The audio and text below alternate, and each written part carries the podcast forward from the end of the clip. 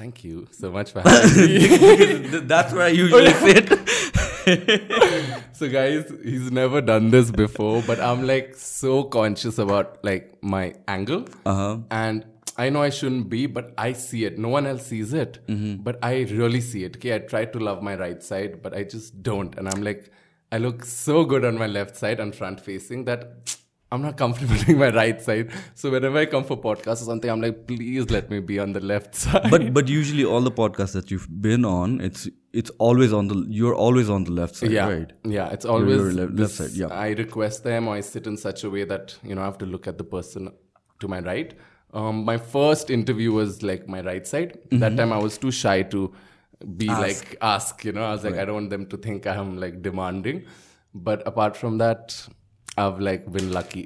But usually, you know what? I, I've never understood, you know, the left side versus the right side because like people tell me Yeah, there are profiles, but when I look at my pictures, I don't find. you are You know. I, I I- I don't see the details. Like other people can figure that out. Maybe they can find differences, uh-huh. but I don't.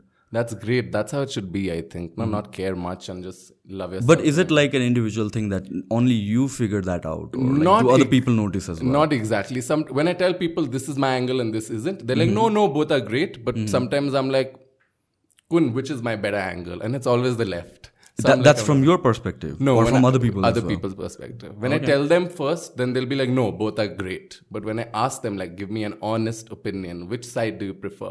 They're like, hmm. ha ha, but they'll say hmm. left, and I'm like, bang on. I I think you have to have the eye for it. as Yeah, well, yeah. I, I don't know. It's you know, I don't find the difference. That's great. In this case, ignorance is bliss. So, what do you usually drink? Like, So yeah, yeah, I enjoy my drinks. It's not something where it's a problem where I want to drink every day at home or something. Mm-hmm. That's something I don't do. Like mm-hmm. if someone in my family is having a drink just for recreation, I will never drink. You know, I'm very particular about that. It's not something that excites me.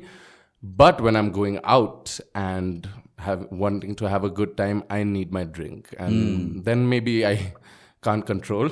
I drink too fast, so then that's an issue, but okay. it's just suffering So it's it's not something that you do by yourself. No, no. Okay, see, that's the opposite for me. Usually, Hmm. I drink by myself when Mm-hmm. I'm working or by when I'm alone. Usually, in groups, I try not to Mm-hmm. Drink as much. Um, nothing in particular, but you know, when most of the times when I'm going out, Hmm. I'm usually the one who's driving. So Okay, yeah. that's the reason I don't drink when Then I'm out. sense. So You should take a cab then. No, all Yeah. my friends do that. It's so annoying. I'm like, what the hell? Why are you here if you're not gonna drink? So tell me about your fitness thing. You've been like very particular with your diet and workout. I've been seeing pictures.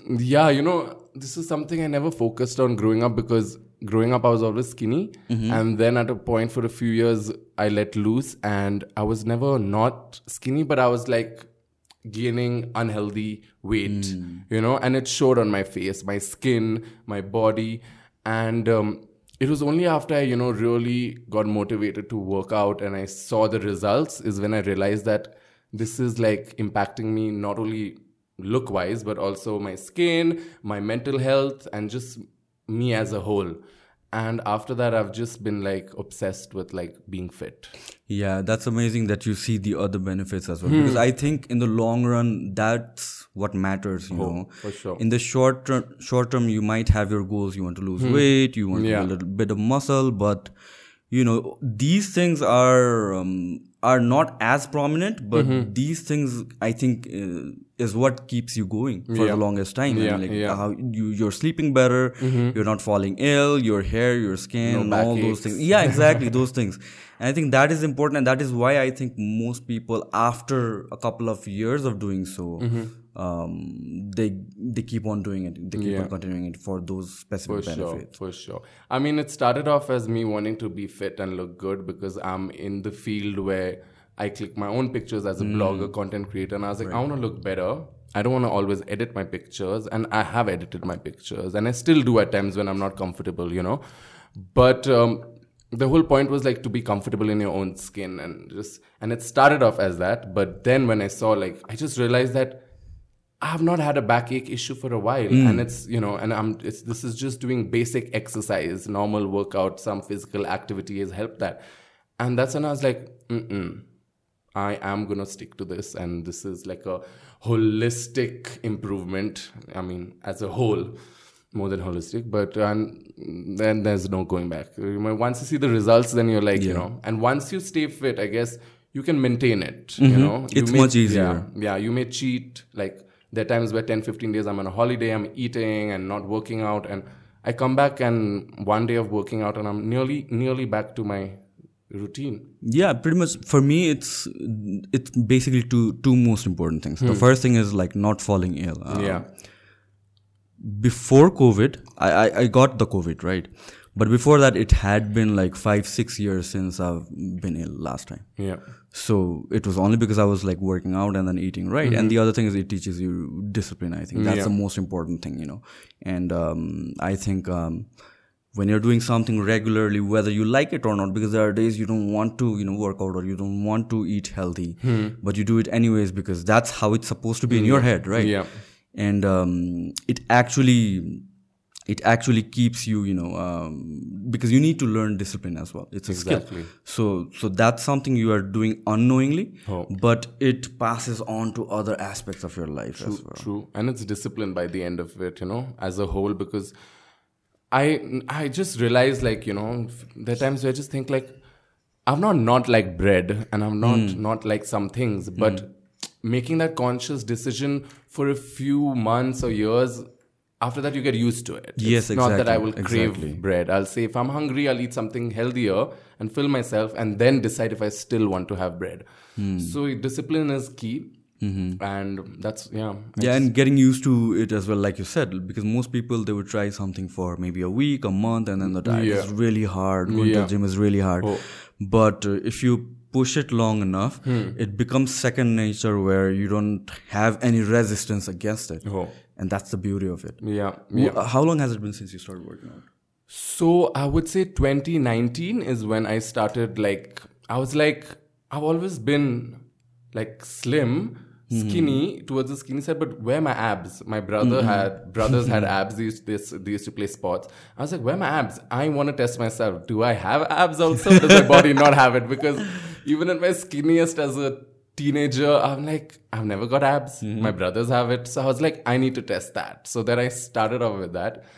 And you know, as a result, everything started getting looking better, my shoulders, everything. And I was like, this looks really cool. And I'm gonna like stick on to this. so you started from your home or the, the thing that you're currently doing So I started off uh, f- from I started off with group classes, HIIT, it, at this uh, club I was a member at in Bombay, and uh, I saw results instantly. And then after that, I mean, there were times I used to go to the gym before, but I was quite clueless and always a bit shy. Like, uh, am I doing it correctly? I used to feel shy to ask trainers, which is a bad thing. So there I used to only do the treadmills and a little bit. But when I started working out and seeing results after that, um, I still work out from home home because I'm a little conscious and not too confident yet. I feel like I will be confident if once I can keep money aside for a trainer and he teaches me everything and maybe hmm. one two months once he teaches me then I'll be more confident without a trainer. Yeah, I think that is the earliest resistance for a lot of people. Oh, um, it you is. know, like hmm. because they feel like people are judging Mm. them, hmm. and then you know, and you see a lot of fit people who have been already been doing it for years at the gym, and that's kind of intimidating to some extent. It, it was kind of like the similar thing for me because when I started back in 2009, I guess. Oh, the gyms were full of bodybuilders, you know, huge muscled Yeah. men and women, and then Yeah. I, I used to be 47 kilos, and for me, I was like very insecure going to into the gym, and um, it took me a while before I decided, no, I'm gonna go. So it was kind of like a New Year's resolution for me, and then Which it kind of yeah, it, it kind of worked out. Yeah. And um, now I come to think of it, you know, whenever um, there's a newbie coming into the gym, we hmm. actually don't really notice them, hmm. you know. Um, but when you are on the other side, the flip side, you hmm. kind of feel like everybody is looking at me. Am I doing this right? Am I am I making some mistake? But That's you just relief. have to get going. Yeah. Yeah, you just have to push yourself. Yeah, I think that's something I struggled with, and I found ways uh-huh. to be fit without like that those insecurities or those things. But I, I need to fight it because it So you started back in India. in India. Okay. I started back in India. Were you in India in 2019? I was when did you come In- here? I came in India right before COVID for my mom's 50th birthday. and I was staying for two weeks. That lockdown bhayo and Tyopachi, I was just Eh, okay. like, I was just like not stuck. I you I used to use the word stuck. That's a I- negative connotation. Yeah, that's a negative connotation. Uh, but I I was here and Uh-huh. I've I've never been more grateful. I think I would have never gotten a chance to be to stay here in Nepal for so long. Mhm. So do you do you miss India? What have are the things about India that what are the things about India? I- I've never been Yeah, to India, yeah. right? Oh. Yeah, I've never Oh, been to India. oh Tell me God. about India. So India is a fast pace. People are very um, motivated. The economy is also growing. They have opportunities, and people want to break the cycle of being a middle class or from the poverty poverty you know line, and they want to break through, and they have the opportunities. Not everyone, but there are opportunities more than Nepal. Right. So people are very driven. Um, they can they can pass off as being very uh, in, not insensitive, but not someone who will be like just moving forward Aggressively. aggressively. Yeah. And I think that's something I needed as a person who um, needs that push. And Bombay is the best city. Bombay is like they're moving ahead. You, to survive, you need to keep earning money. There's nothing else. You there's hardly any time to chill.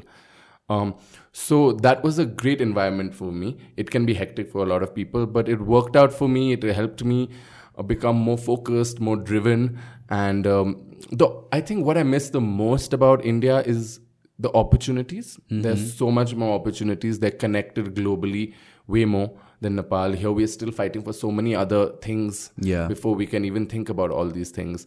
Um, the brands that I work with, like here, you know, you work, for example, say for Samsung, Coca Cola, and you're like, okay, big brands.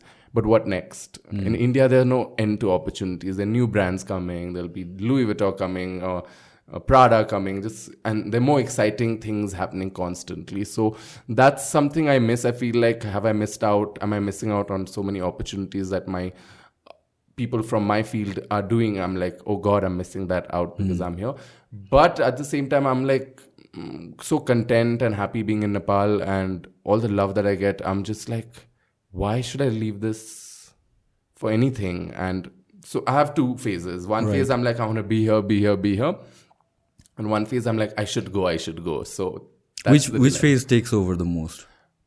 for clearly Nepal because I've not gone to Bombay in two years, more than two years now, and I never expected ever in my life that I would stay here in Nepal for so long because not because I didn't like the country. In fact, when you're away, you love the country, you love your own country, you're more, you feel more driven towards your country.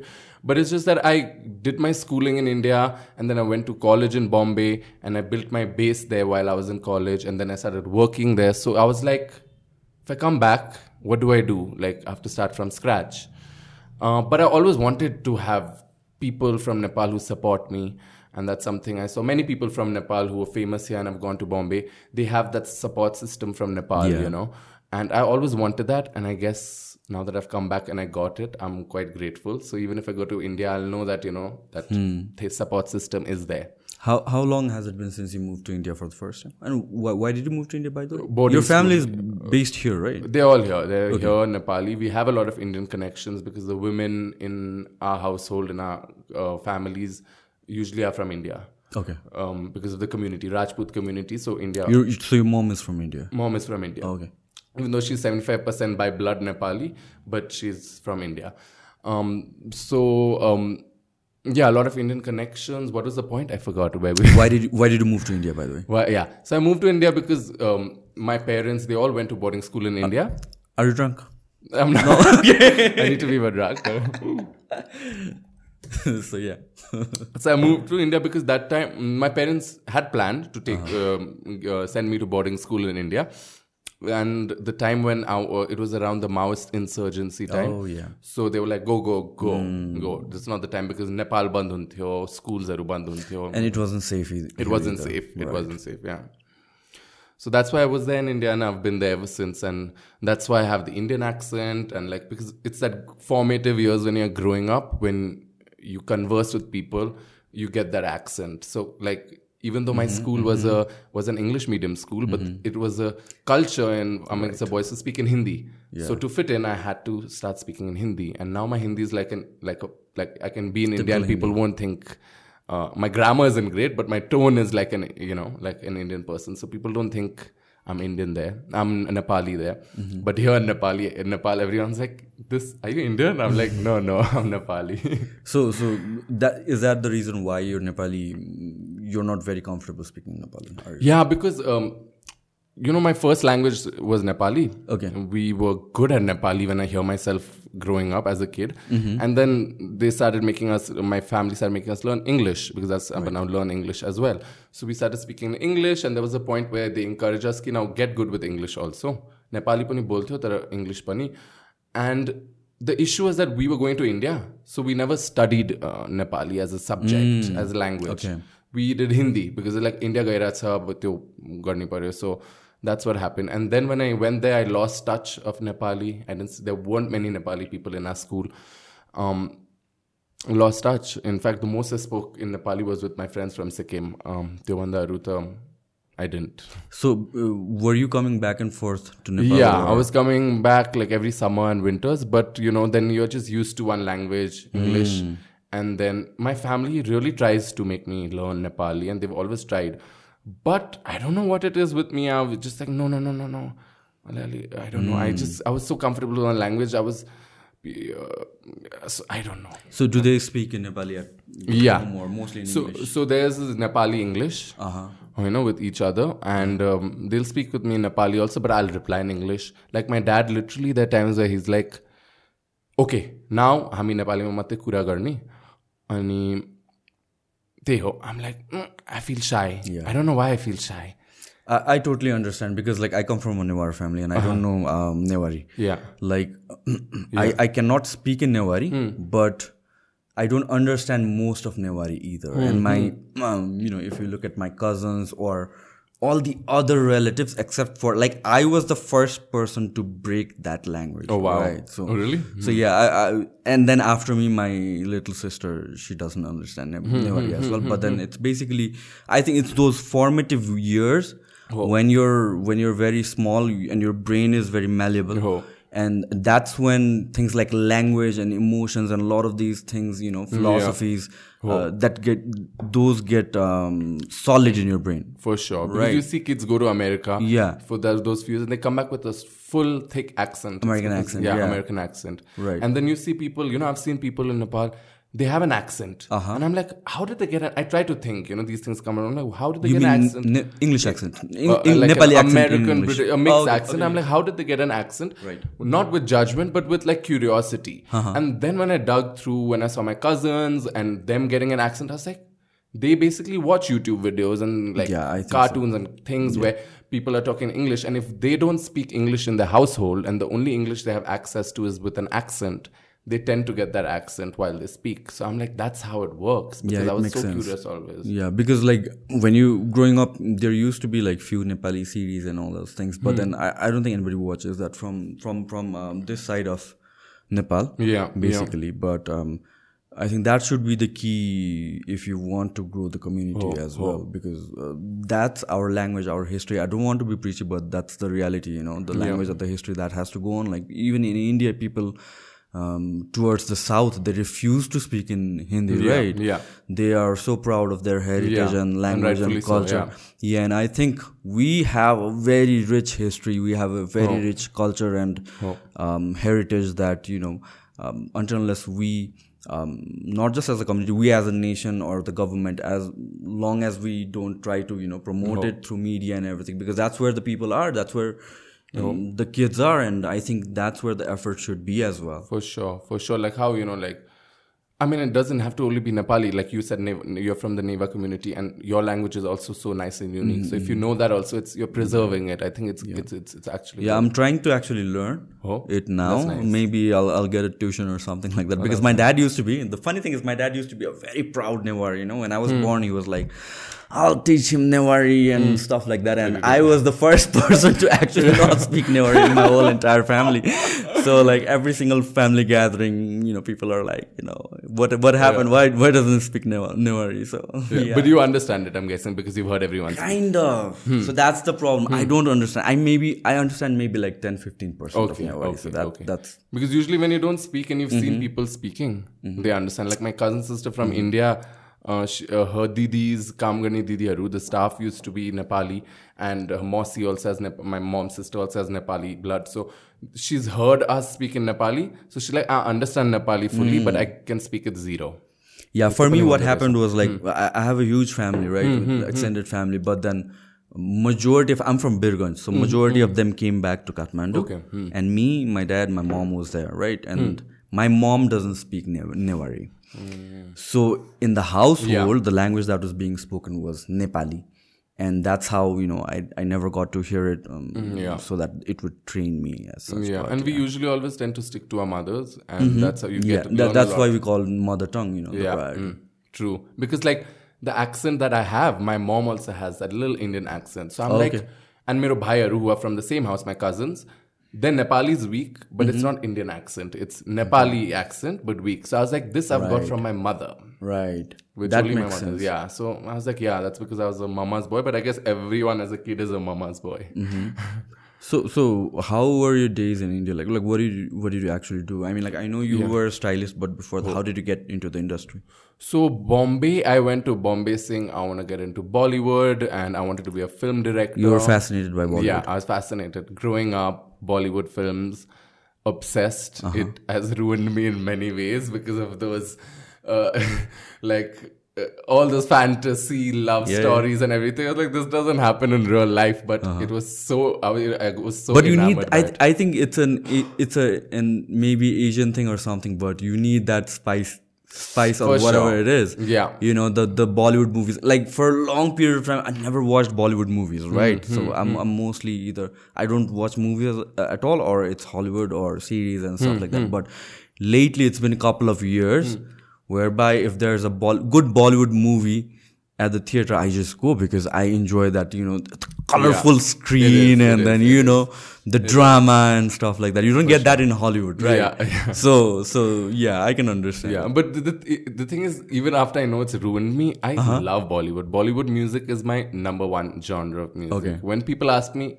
like, "What music do you listen to?" and I'm like, uh, "I don't listen to music if I feel shy." Others because I'm like, "It's Bollywood." They're like, "Bollywood," but like what? Like Psy or trance? I'm like, mm, I'll listen to it when it's playing, but by myself, it's Bollywood. And You mean the move from the movies, from the songs movies. from the movies, right? Uh-huh. All the good ones are from the movies. Maybe not now, but like yeah, from movies. So I still am obsessed with Bollywood because I grew up watching it. But it's just that I think we had too much access to Bollywood and uh, Hindi soap o- operas that yeah, mind. every household, Yeah, When it's 8, 9 p.m., Yeah. Mm. you know, Kasauti Zindagi. yeah, is- because our moms are watching Yeah. it or someone's watching it, and we'll also watch it, and it's very captivating. Uh-huh. I think that has ruined like our idea idea of how love and life is. It's made Hmm. it a little thing. Uh, definitely brought a lot of spice. I think we have so much more character than people in the West. When we go there, they're like so cannot enamored by relate to yeah, and they get enamored by a character because we have so much. Um, qualities in a character which is so expressive Mm-hmm. but personally i'm like I still I'm like this is the kind of love I want of Bollywood. The expectations are very high, yeah. it's there. It's ingrained in your head. How much of you try to unlearn it, it's become a part of you. Mm-hmm. So that's the thing. I feel like yeah, we should have had more access. We should have had more access growing up to like more like sensible films. More realistic stuff. More Mm-hmm. right? realistic. That's the word. Yeah. Yeah, so how did you get into Oh yeah, so Bombay. we've, we've gone. We've gone. I don't know where. Um, Bombay. Uh, so then Bombay, I went saying I want to go to Bombay, be a film director. And, Okay, Yeah. you wanted to create movies. I wanted to create movies. Growing up, I was in, I never wanted to be an actor, even though that is always like a fun thing as a kid to want to be. But why? Uh, Why didn't you want to be an actor? I don't know. Even though I was so comfortable as a kid in front of the camera, and I was like, mm, I don't know. I feel like maybe I th- always thought I was a little different, and I saw, my, I and I was like, how will I fit in? Who would I be?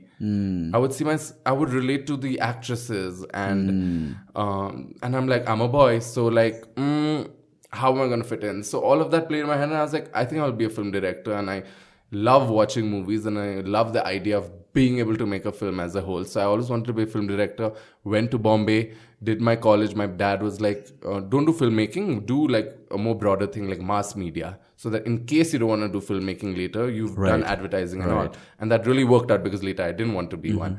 So they got you, and then I was then I interned for a film. It was a really big film. I got lucky. Uh, I networked and found my way, and um, this film called Zanjeer, which was a big mm-hmm. film till it mm-hmm. flopped. But that's when I realized I was like assisting as an AD. That's when I realized that this is hardcore. What is AD? Assistant director. Yeah, assistant Right. director. Yeah, so I was interning interning as an AD because I was still in college. I mean, Priyanka Chopra was in that film, and I was her biggest fan. So, as much as I was, it was so exciting. I still saw that the endless hours people put to work, and the timings uh, were night shift, and then six hours rest, and then day shift, and I was like, and I'm seeing like people who've been working for a while, and they've aged. I'm like really fast, and I'm like, I don't want to do this. this is too hectic. This is not my scene.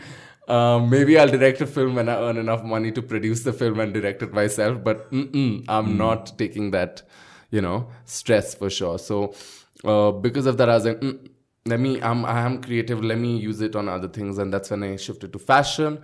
And then my focus is fashion, fashion, fashion. Then I wanted to work with Vogue, and I was like, do it. And I just manifested and worked and networked. And in those three years of being in college, I networked and I got so homely with Bombay.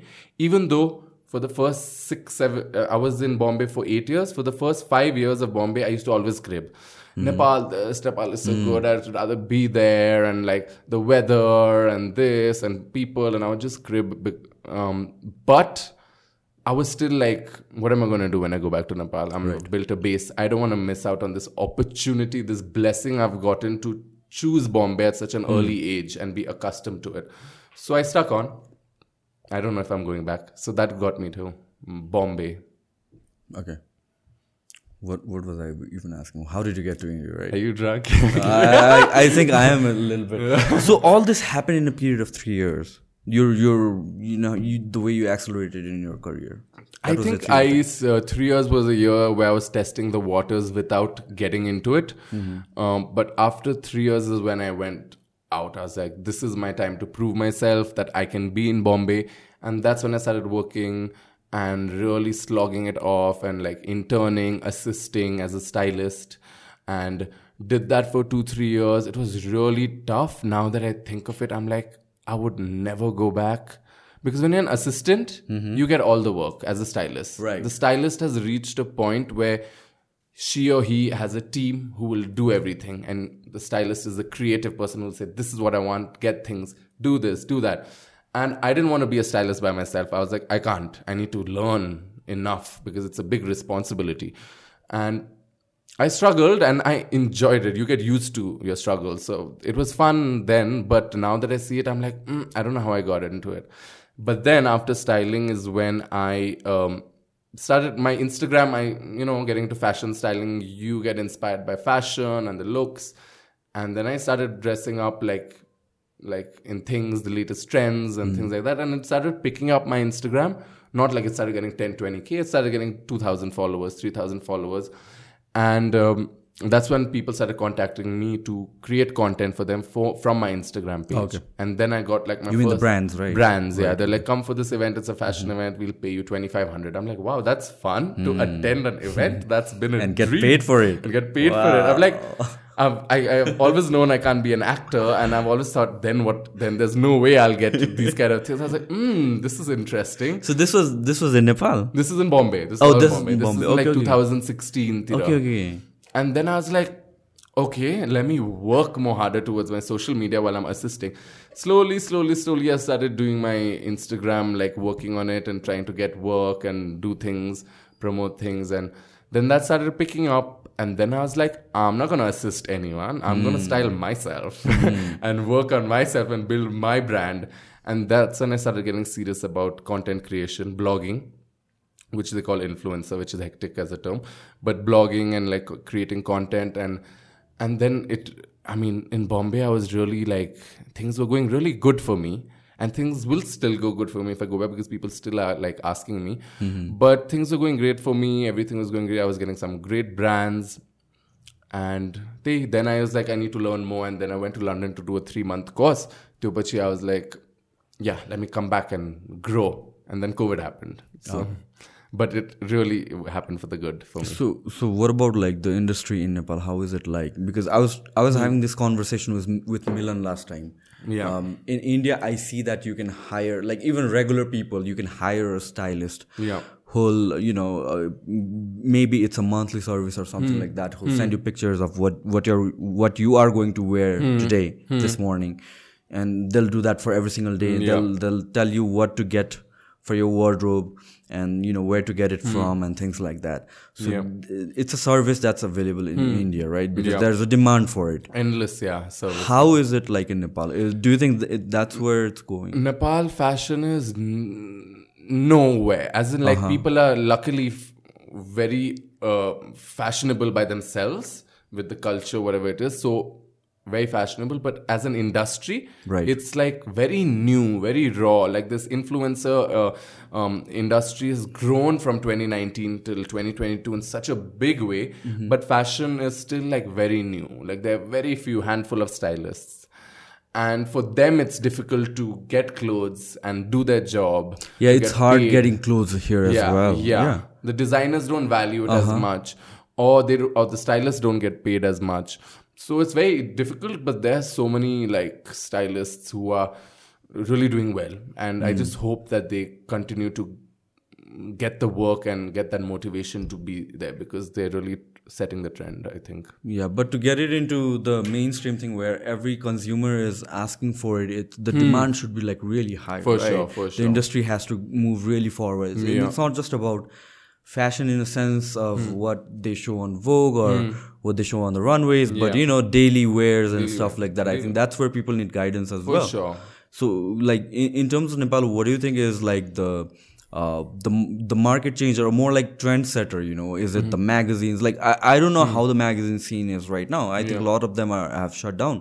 yeah But after covid yeah, but what is or what should be the medium that's moving forward as to create a trend?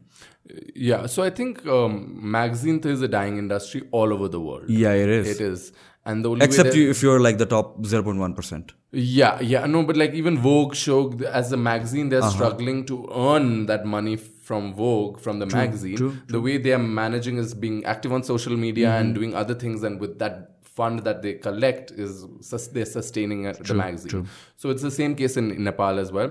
I think the social media plays a big role. I think there's so many big uh, personalities here in Nepal. Big in the sense that they have a huge reach and they have so many followers, so much likes, so much support, and people look up to them. And I think that if them and the stylist, if they value the stylist, I'm not saying they don't, but I'm saying if they value the stylist and they work as a team and show their final results. And it shows, you know, a stylist is very important. People in India value it now. They're like, we can't do a shoot without a stylist. We need that um, that creative input. So if people value that here, once they start valuing it, once more actors, uh, uh, personalities work with stylists, and then the result is seen, that's when people are going to be like, oh no, we also need a stylist because actors don't go out without a stylist. Uh, without, about without being styled. Here, the, very rarely do actors use stylists. Maybe for a big event. Uh, movies we don't count because movies costume and you need someone who gets costume. Um, but in like events and all, there are people, there there are actors who do get style now, but like, um, mm, not otherwise. Not otherwise. These events, the event people pay for the stylists, but I think um, You, you mean the personal stylist? You know, yeah, like say if on an the actor going thing. for the launch of XYZ Right. brand, the brand will pay the stylist to style the actor. Mm-hmm. And I think mm, if the actors have the budget, it's it would be smart of them to hire stylists and like get dressed well because it's actually it's it's elevating your brand. And Who, do- who do you think has a better style in, in terms of Nepal? Not to name, not not to put you on the spotlight, yeah, no, but no. then yeah. Uh-huh. Um, you were saying better, not bad, so it's fine. Who I should have asked the other way. Ah, let me think. Let me think. Who has a really good style? I always. I can't think of anyone who, who is standing out. okay, You know, who's like. that, that yeah. doesn't sound good. I can't think of any. Okay. Uh, Samragyee dresses up really well and she has different looks. Uh, she has a brand of her own and that I think motivates her to dress up. Her style is really interesting and fun and fresh. Um, Anna also has a really fun style. Her dressing sense, uh, she will work towards it. And these younger actors, like Anna, Samrang, the younger actors uh, have understood fashion in a more. Um, they've they've grown up with seeing more f- fashion and being on the uh, mobiles, and also I think they they they do so. But everyone's dressed well. But I can't think of anyone who's like. Wow, 24 7. But I think Samragyee, Anna, they dress well. I'm sure there are many others which are not coming to my mind right now. But but everyone has caught up in these last two three years um, even the fashion industry has really grown there's some really cool stylists um, who are doing well like uzu styled by mp um, peppy owl i don't know if she styles she does styling here and there but these people like they're pushing through and going to the industry and saying we have this service. We want to give it to you. Take it. You know they may start by not getting paid but they and act and yeah i think that's how any industry grows, at the- Grows, uh, you know first you have to give them the taste of what you're offering the service and then once they get the hang of it Oh. you know once you get used to it you start valuing it more so so you mean to say like people you know it, it's more about playing it safe versus risking it you know going to uncharted waters? Mm, yeah. No i didn't get what you meant. Sorry. No, no, Playing no. it safe and when when, when you're talking about you know these people who are who have a good sense of style Yeah. you mean to say that these people are able to like take that risk in terms of fashion Yeah. or No, I and see- not following like what what's been there for you know? Yeah, no, the thing is that if you have, if you are really doing in Nepal scenario, if you're really doing, if you're really good with your style and you yourself can work and message designers and tell them to give you clothes, that is a smart move in itself. No, we are also Yeah. saving money. Uh, I rarely see actors who have like manager, PR team. This they may have it here and there, but in India, you get into the industry, you start do your first film, you have a whole team set up, and and that helps there. But here, I feel like we haven't come to a time where we need such a big team. If um, you know, it's ins- if if like Priyanka, she works so much. She's like so like she's working and inspiring, and she doesn't have a team as such. She must be having here and there. But like as a whole, I'm like, wow, she can do it, and that's that's practical. If you really don't need it, then why spend money? yeah plus i think it's also about the size of the industry the amount of money you're getting paid Yeah. maybe a project Yeah, you know that's what it is. yeah because in india you get paid in crores and then you can afford Yeah. to have all these people And in India, if you're starting with films also or the web series, you'll get you'll get paid in lakhs, fifteen Right, lakh, twenty right, lakh, right. and that is also a lot. And then you can do it. But here in Nepal, you don't get paid. Also, you have to really work hard, and you get paid. It's not that you're a uh, huge. yeah you know, it's just getting started the industry is Yeah, just getting yeah, started and plus yeah. i think the social media is like playing a huge role in you know all these stuff as well especially like you came here in the perfect time you know where, where tiktok was catching on as Yeah. well and you started putting out content Yeah, yeah, and COVID, and everyone sitting at home, and you know, yeah and they are content. looking some they are looking for something to Yeah. entertain them or educate them or whatever sure. it is because i realized tiktok completely changed during the lockdowns Okay.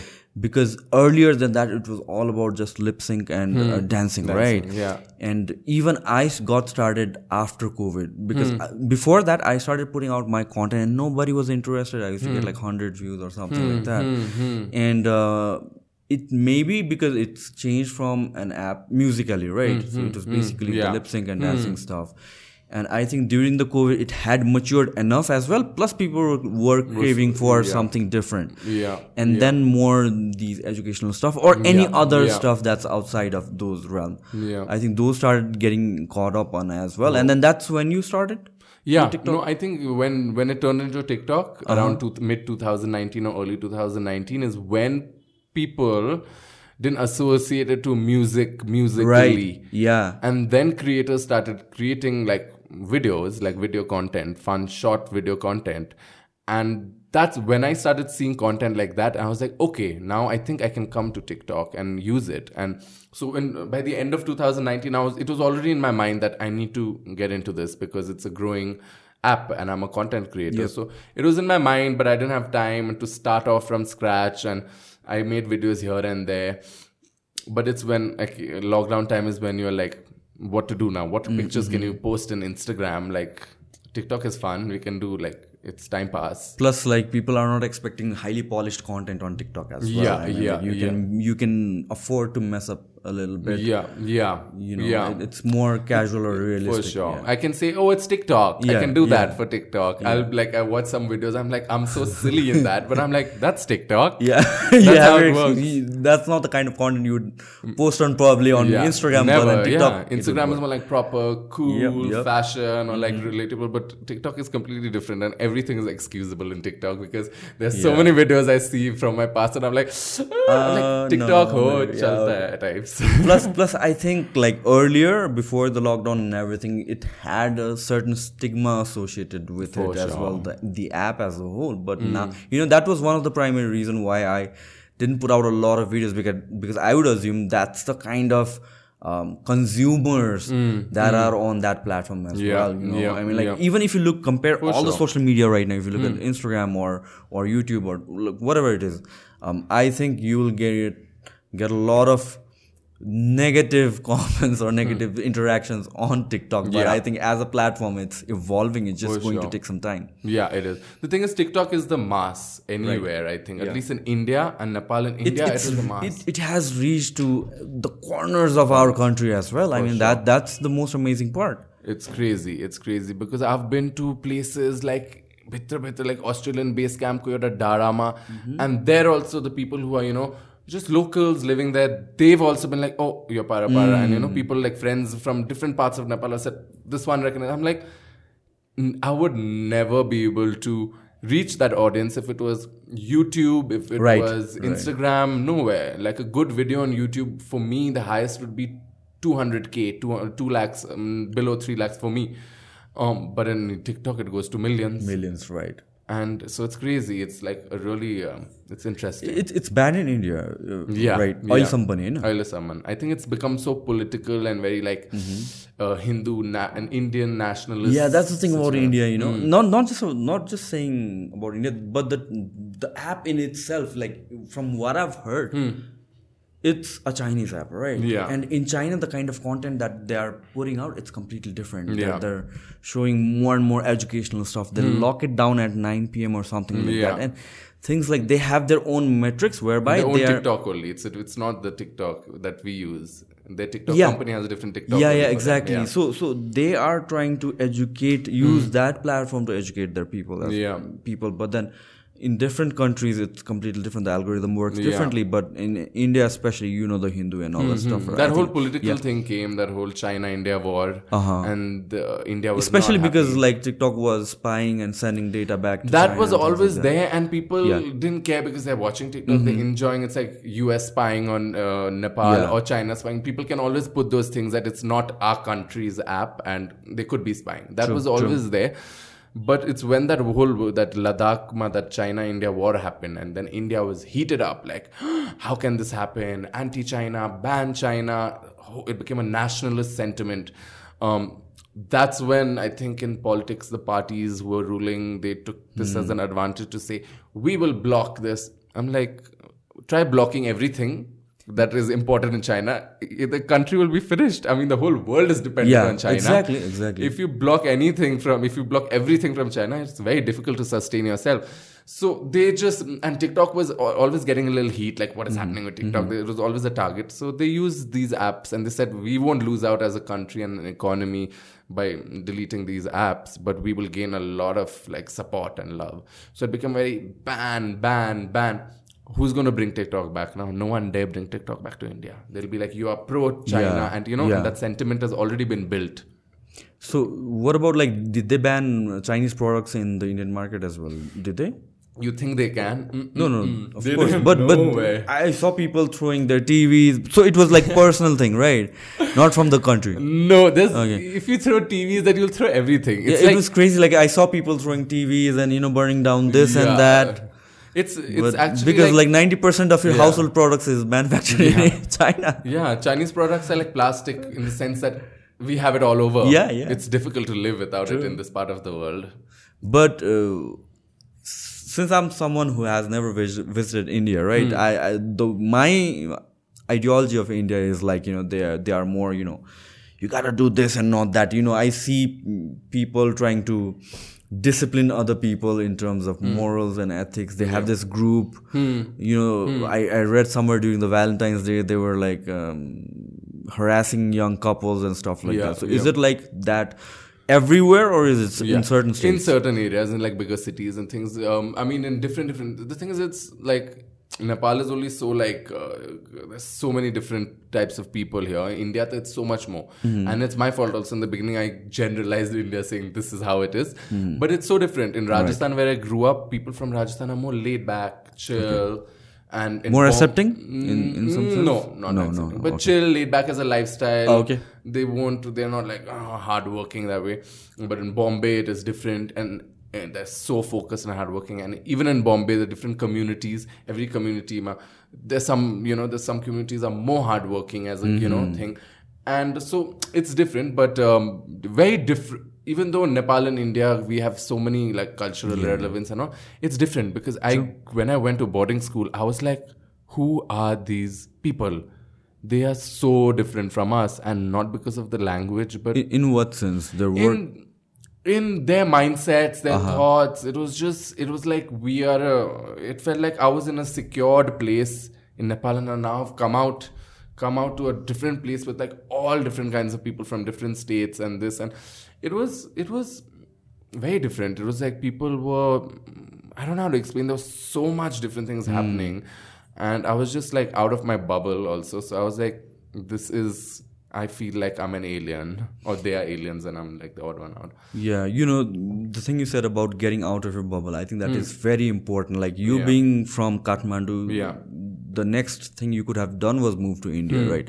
I came from Birgunj, and for me, this was like Kathmandu was a, Yeah. Hmm. uh, you know, more fast paced or more, you know, progressive Yeah, place. yeah. And uh, I think that is what everybody should experience. Yeah, They have to leave their city. They have to try and live somewhere else, learn the culture, try things, you know, and then For sure. especially get out of that security or the nest that you have at home because i think most of our our culture here in nepal is like we stay with our family and parents Yeah. throughout our whole life there are pros to it you want to mm. take care of your family. Yeah. but then during that 20 30 years of age i mean like you have to risk it all you have to learn how- what it's like to live on your own you know earn on your own and things like that and that is something i think people who go abroad maybe in australia maybe Hmm. to the us even nepalis they learn that you know Yeah, you for know, sure. being on your own and being accountable on your own that's Yeah. something again comes back to the discipline thing For sure, and yeah. that is something those are i think the formative years for your career For sure. right because once you build that up when you're like 30 40 50 whatever it is you'll always have that you'll always. Yeah. have that mindset For sure, for sure. I think it, I think uh, to get out of your comfort zone is very important. Even like um, for some people, their comfort zone may be living alone, and they've already learned living with their family, which could be very toxic. But I think getting out of your comfort zone and just um, being independent is something that is really um, you learn a lot and. And even though my family is very chill, mm-hmm. open, and mm-hmm. understanding, but they're still your family. Yeah. When you're at home with them, they'll say, "Where are you going? yeah What are you doing? Yeah. I've gone been in boarding school all my life. Then I went to Bombay for another eight years. Fifteen years I've been away from family, only coming for holidays and enjoying it. Now that I live here, I'm like, I don't want to be questioned. Even though they'll not say don't go. yeah it's not a bad thing it's just instinct but then i i Yeah. understand from your individual point of Yeah, view i mean yeah. like how it is like because Yeah. I've, I've stayed up uh, away from my family for almost like 10 12 years as well and then Hmm. Yeah. it's it's not about them being um being flexible or not Yeah. it, it's more about you know when you have that luxury to not inform anyone Yeah. and do whatever yeah. you like Yeah, that's what it is. it's just a small friction but then Ho, ho, it's a ho. different feeling That's you have your own identity and you you're not answerable to true, anyone. That that's like a freedom that it's great if you can break that cycle of being happy, being yourself. It's great. you know what i think we need a refill We need a We'll- we'll take a break. At least at that. yes. Yeah, it's, it's it's it's. I like how the timing matched because we've been wanting to get into this thing, and it so happened that in June, then Mm-hmm. we found like the perfect time. So good timing. It yeah worked so out well. let's let's make it like um, a, a mini encyclopedia thing for the lgbt I'm scared. I'm also drunk, guys.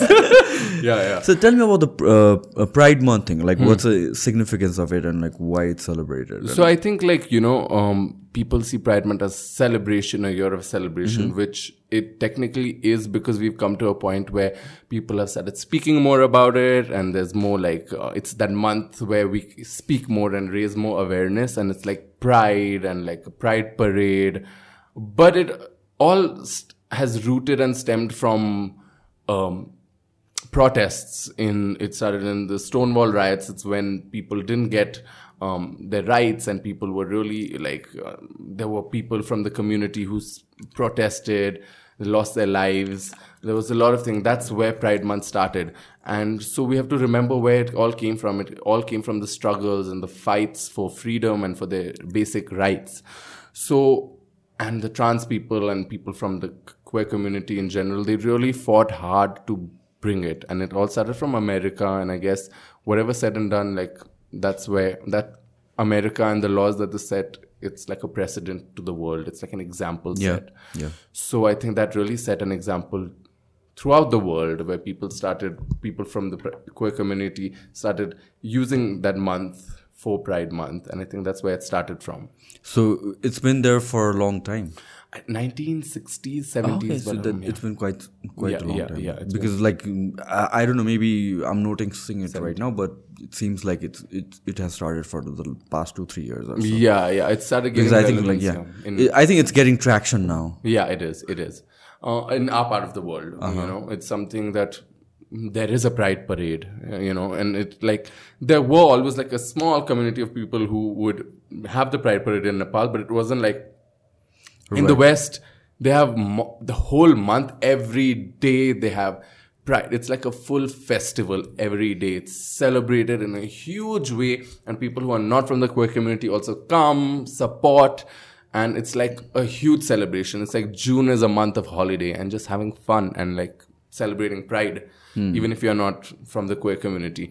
And now people have it's it started growing in India, and Nepal, and I think it's it's it's a good sign. How is it like in Nepal? How do they celebrate the Pride Month? in Nepal? So um, in Pride Month in Nepal, we speak up more about Uh-huh. this topic. We we we the aim is that it shouldn't be that month only because Yeah. there's so many brands who will promote it in that month and then forget about it throughout the years.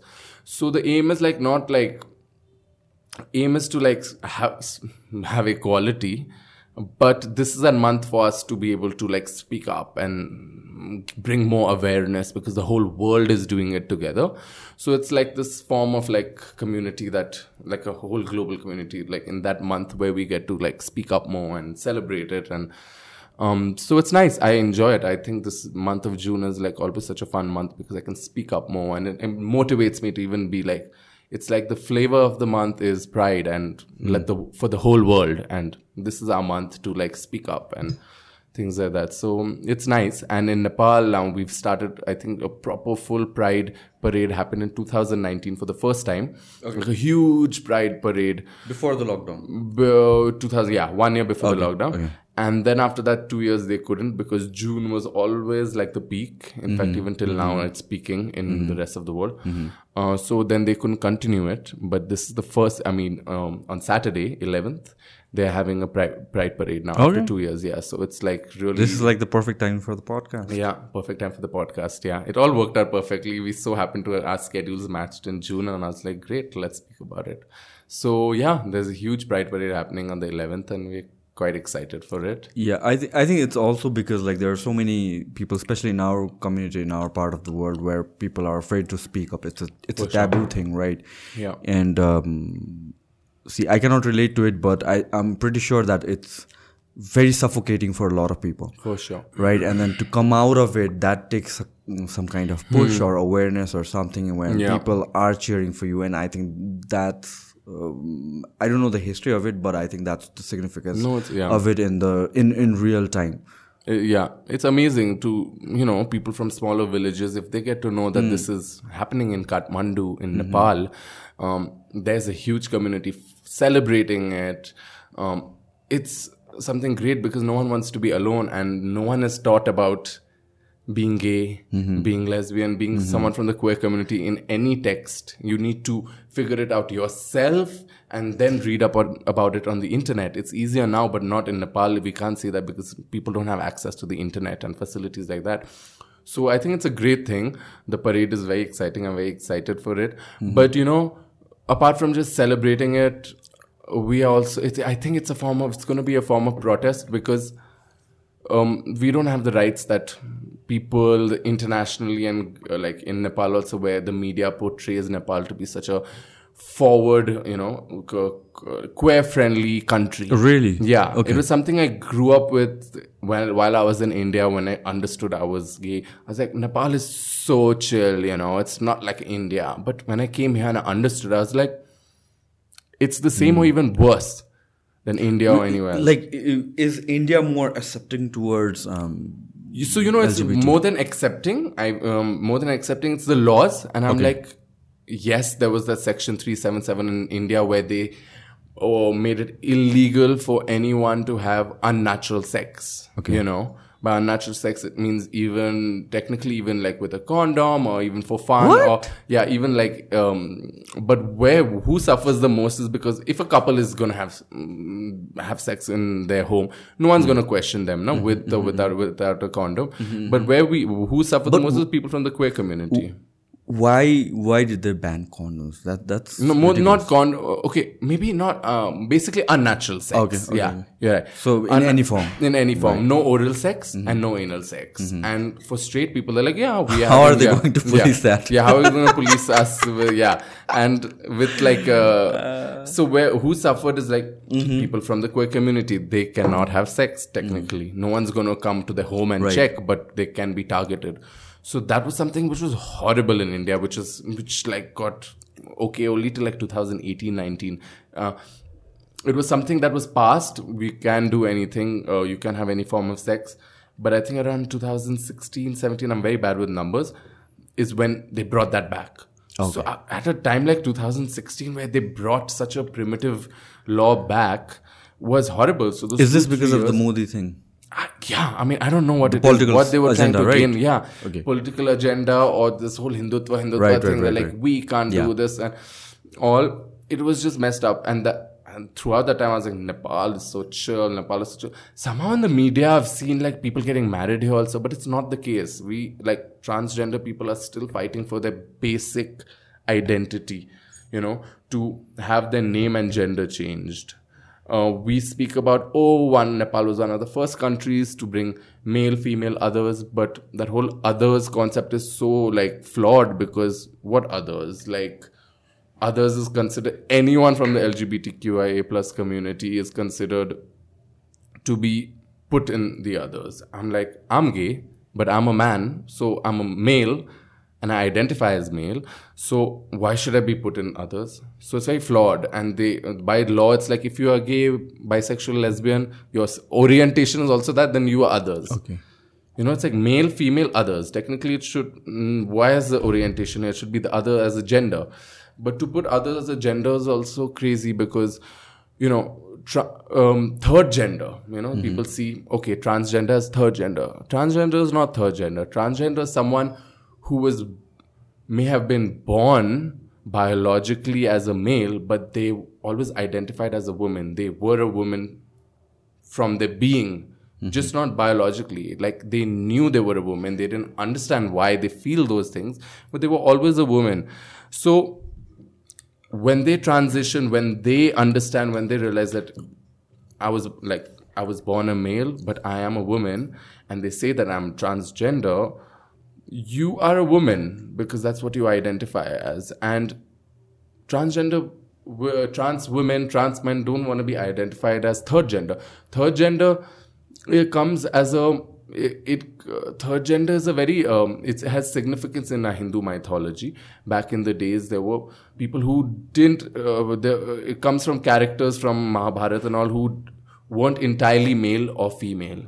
Here for a transgender man he's entirely a man or a transgender woman, she's entirely identifies as a woman. So why that categorization of like third gender? Third gender is completely out, but like as others.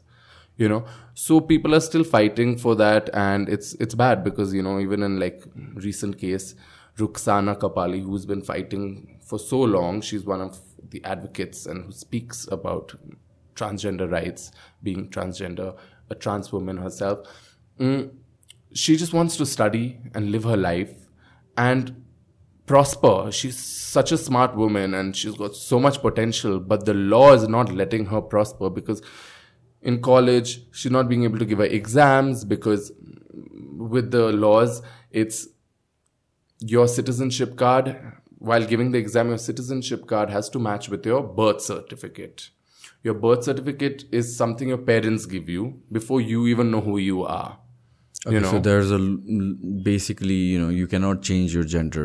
They're basically saying that you cannot change. Your gender. So the thing is that citizenship card you can if you change it mm, you won't be a ma- like uh, you can't change it to uh, from a male to female female to male if you have to change it it has to go to others that itself is flawed and after you change your name you can change your name and your gender from male female to others in your citizenship card but your birth certificate is what you were born with and that you can only change up till one year if you make the 30 days you have to make a birth certificate and if you want to change it you do it but in one year how will that kid know who you are and nothing is formed yet Wh- what's the standard in the rest of the world? What's the standard in the US? So in the US, it's state wise. Uh-huh. Um, every state has different uh, laws, and the states where they accept it, if you are a trans woman, you can change it to a female. And in India also, they had other, they have male, female, transgender, and it is up to the person to choose what they want. Self determination basically is what should be the case. It shouldn't be um, by law or by the surgery you do. You know, here it is like here and in India also, what is flawed, India is also very flawed, but it is you transition into your gender that you identify as and to pass it legally you need to have like medical proof. Why have that medical proof when you self determine it you know? It's you are who you are. Why do you need the medical proof? It is quite insulting to go to the doctors um, show your genitals. I mean i don't see the point. I'm like some most of the people cannot afford to have a sex reassignment surgery. So for them, if they can't have that surgery, technically you're not. Why mm-hmm. is it that you need to have a surgery, or why is it that there are other medical factors for you to pass? You know, because when this consensus happened in Nepal, where they were like, "Oh, we're going to consider not male, female, and others," people were like, "Wow, what a cool thing! You're going to have the others category too." But in places where like families register their kids as others, they're like strip down, show me your genitals for us to approve it. And that's so insulting and that's just not right. Why does anyone have to go through something like that? So in Rukshana's case, she's fighting to give her examinations, and there's some law which says that your citizenship in the education system or your citizenship name, which she has changed now to her r- real name, has to match with her dead name, which is what she was born with. Okay. And that can't be changed. So, because it doesn't match, you can't enroll to even give her exams. So, she's fighting hard, like for her basic needs. And people here in Nepal and India, just all, all over the world, think that, okay, no, Nepal is so progressive, but it's not. It's, in fact, way worse than most of the countries Like, who is- are progressive. are there any group in the LGBTIQ community where who would like to identify as others? So, not others. You can, if you put male, female, third gender, non binary, intersex, these are the things. Now, the thing is, others is so vague, it is everything. So, why do you want to be someone like others? Others sound only like others, you know, it just mm-hmm. sounds like not what the one, two, the others. It is putting you away and putting you out of the general what the basic thing is. So i feel that they need to be more mindful. Like there are people who identify as third gender. They could be you know, from like the mythology, there are people who don't entirely identify as male or female. They are third gender, they can think. But transgender people, they identify as male or female because trans man is a man, trans woman is a woman. And let's not even talk about the intersex people, as those that are born with um, not of um, the genitals that are not fully formed, but both of male and women, but not fully formed. And for those people who are intersex, they are not even categorized as anything. What What is an intersex? So intersex is someone who's born with genitals that are not entirely female, and they'll have a uh, they'll have Hmm. genitals of a male and female, but they're not fully formed. Okay. you know, both are not fully formed, and they could grow up having more hormones of a man or a woman, and they can grow up feeling more like a woman or so a it's man a timely thing. They'll they'll they'll grow up and they'll after, experience it a in, couple in the years, west right? what in the west what they will say is you know you're blessed with everything everything is great you may not be able to produce rep- reproduce sexually. That's the only thing and people live their lives. You know here in our part of the world what they would do with intersex people is the hijra community would come and take them like oh you're intersex and this is this and that's how it would happen. But there's no representation. Even like in Nepal, I know of only one person who's intersex, who's um, spoken up about it. It's such a taboo. So for them, they are also a sex, like male, female, and intersex. If you going entirely with genitals, then it's male, female, and intersex. And there's no representation of that. Then third gender for people who don't entirely identify as male or female. Then there's non-binary who don't identify as anyone. None of the two. So, I mean, I just feel that others is a little like far fetched, and there's a long way to go. But people are fighting, and I'm positive that, and their voices are being heard. And it's important for allies to amplify their voices. And yeah, hopeful. Do you think like this is part of a progressive, uh, progressive process? I mean, like, what is the standard in the West? Did it start from being male, female, and others, and then it moved on to they corrected that along the way. so they've way? corrected it now where it's male, female, transgender, and you have an option of choosing any. But Mm-hmm. the point of being non-binary is still being fought in the world. Intersex also is very like not represented anywhere, not given any attention because it's such a Mm-hmm. small number of people. But they're humans as well, and it's not their fault Mm. or anything. They were born the way they were. So we have a long way to go, and Hmm. people, there's conversations being spoken, and I, I feel hopeful. But who am I to say I am, even being gay, I'm still in a pri- place of privilege because mm, in the whole community, I think being a man, being gay, has it easier than being a woman who's lesbian. Everyone has their things. You see, being a guy and gay also can have a lot of difficulties. But I'm just saying, in this, in my community only, I come from a place of privilege. Forget my family and wherever I come from, that is another whole set of privileges. So I'm no one to be able to say that. But No, I- but the way I see it is Hmm. like you know, um, having privilege is so looked down upon. Mm-hmm. I think it's not about it's not a matter of privilege, but how you use that privilege. If you are using that privilege to actually cater to the requirements of other unprivileged people, yeah, what could you have done better with your privilege then? Yeah. Yeah. That's the most important thing. I mean, like, as much as I see when you talk about it, you know, you, it's great that you accept that you're privileged and Hmm. you're so much, you know, um, very thankful about it and stuff like Yeah. that. But, um, you know, I, I, I, I have a feeling that in this current day and age, people who are privileged are so looked down upon. I mean, like, it's not a bad thing to to be, or it's not something that you should be uh, ashamed of. I mean, like, as long as you're using that privilege to uh, empower others or do something for others' benefit, that's the most important thing. You know, sure. that, that's the m- number one thing. Yeah, for sure. I just feel like like there's so many.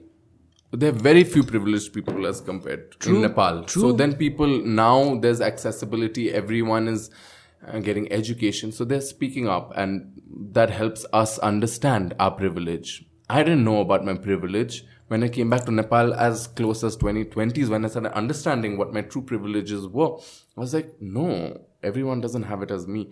True. And like you said, like what do you do of your privileges? You were born with that. It's mm, what can you do about it? I You- think it's the image that people have made that you know people who are privileged are just Yeah. that they're just privileged, Yeah. but because majority of them you don't use that privilege to you know empower others Hmm. or like do something good for the others. yeah, There might be maybe five percent of the population or ten Hmm. percent of the population who are privileged and they use that privilege to do, do Yeah. something for others. But you know, even if you are that five percent of the population, it's it's something that you know it shouldn't be looked bad upon.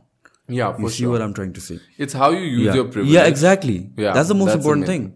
At the end of the day, the results matter other than For sure. anything else. For sure.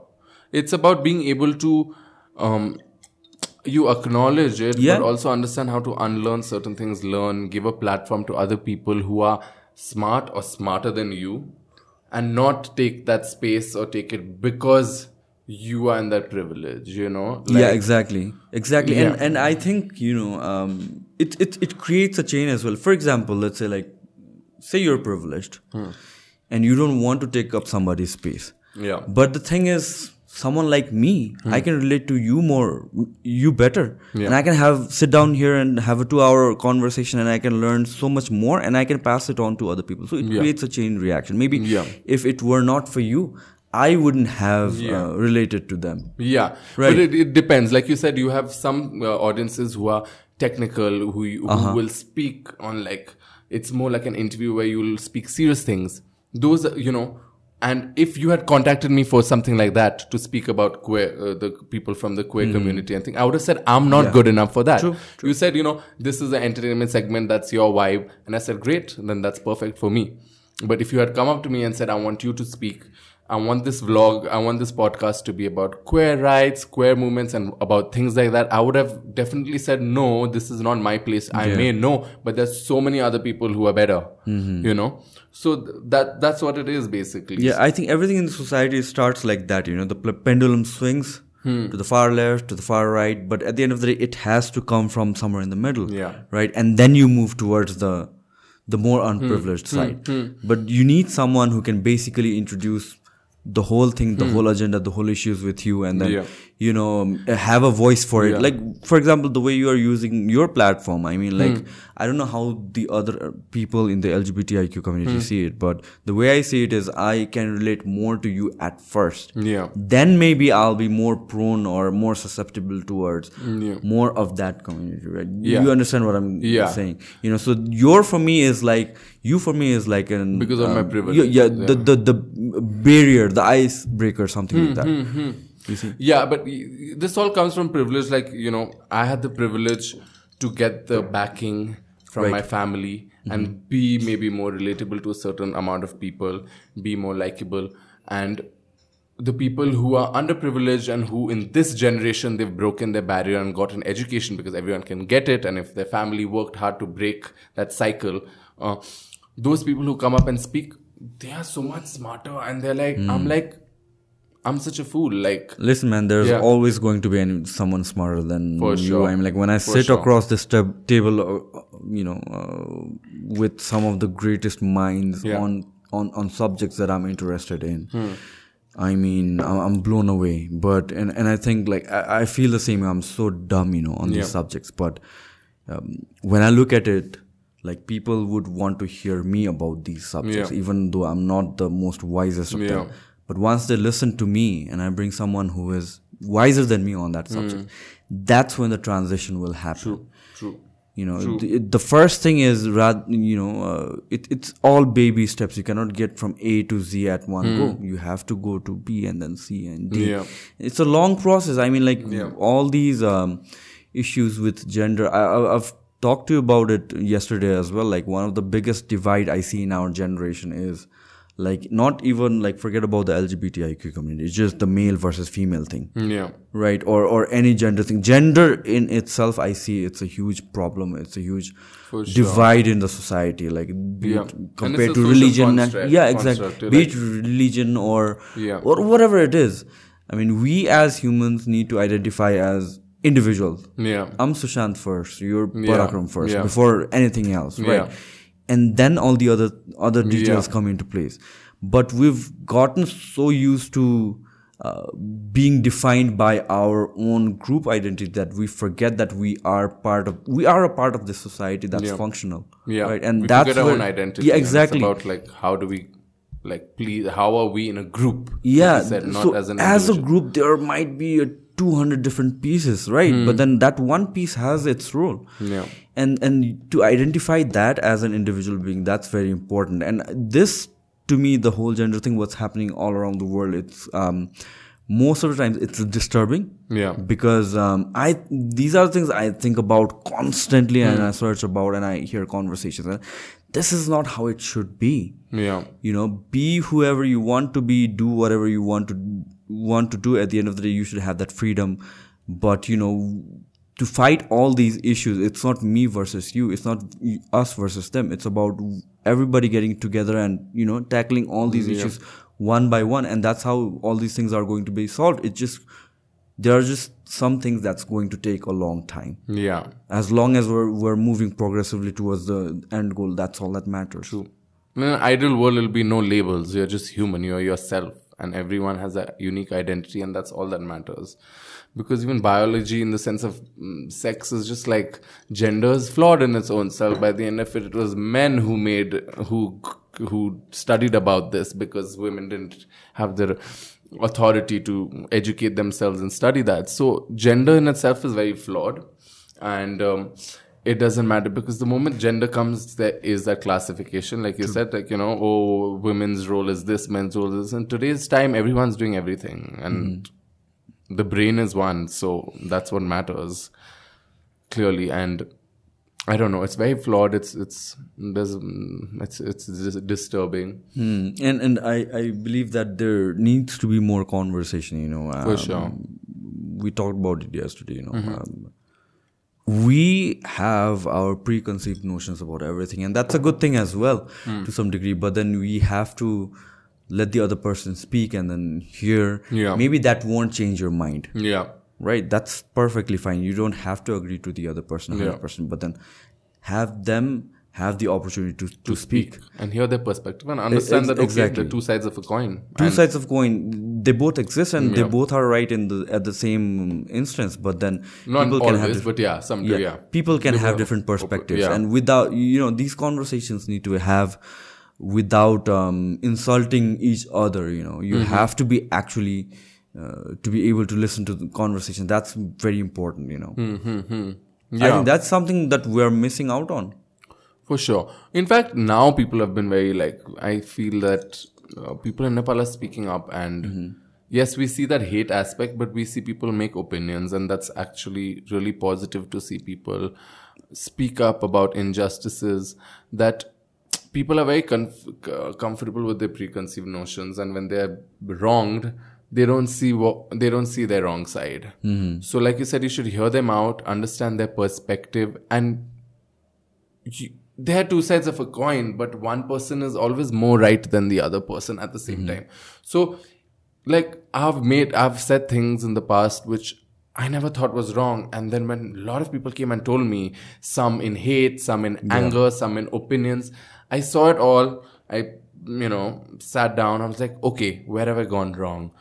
And without an ego and then it turns out to be i'm like okay yeah mm, this was they're right this i may not have meant it in that way but it sounds wrong and then you learn i think like twitter honestly that's one thing where i've got the most amount of like angry people but confrontations uh-huh, confrontation, angry people. I won't say hate necessarily. Hate I get way more on TikTok and Instagram and YouTube. But like that, I I didn't use that as a way to say that. Oh my God, no no no, this is negativity. I saw that as where am I wrong? Am I wrong first? Okay, people are saying I'm wrong.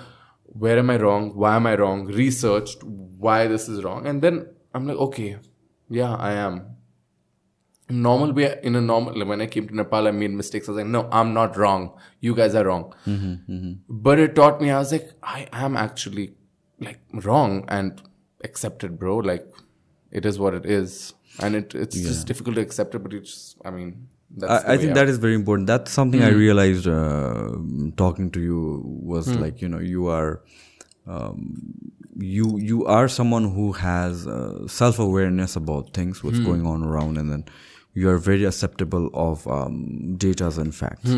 You know, and I think that is very important. Most of conversations that go around, I mean, like it's it's basically uh, about listening to other people. That's about it, and then go home, do your research, do your thing, whatever it takes to confirm to that.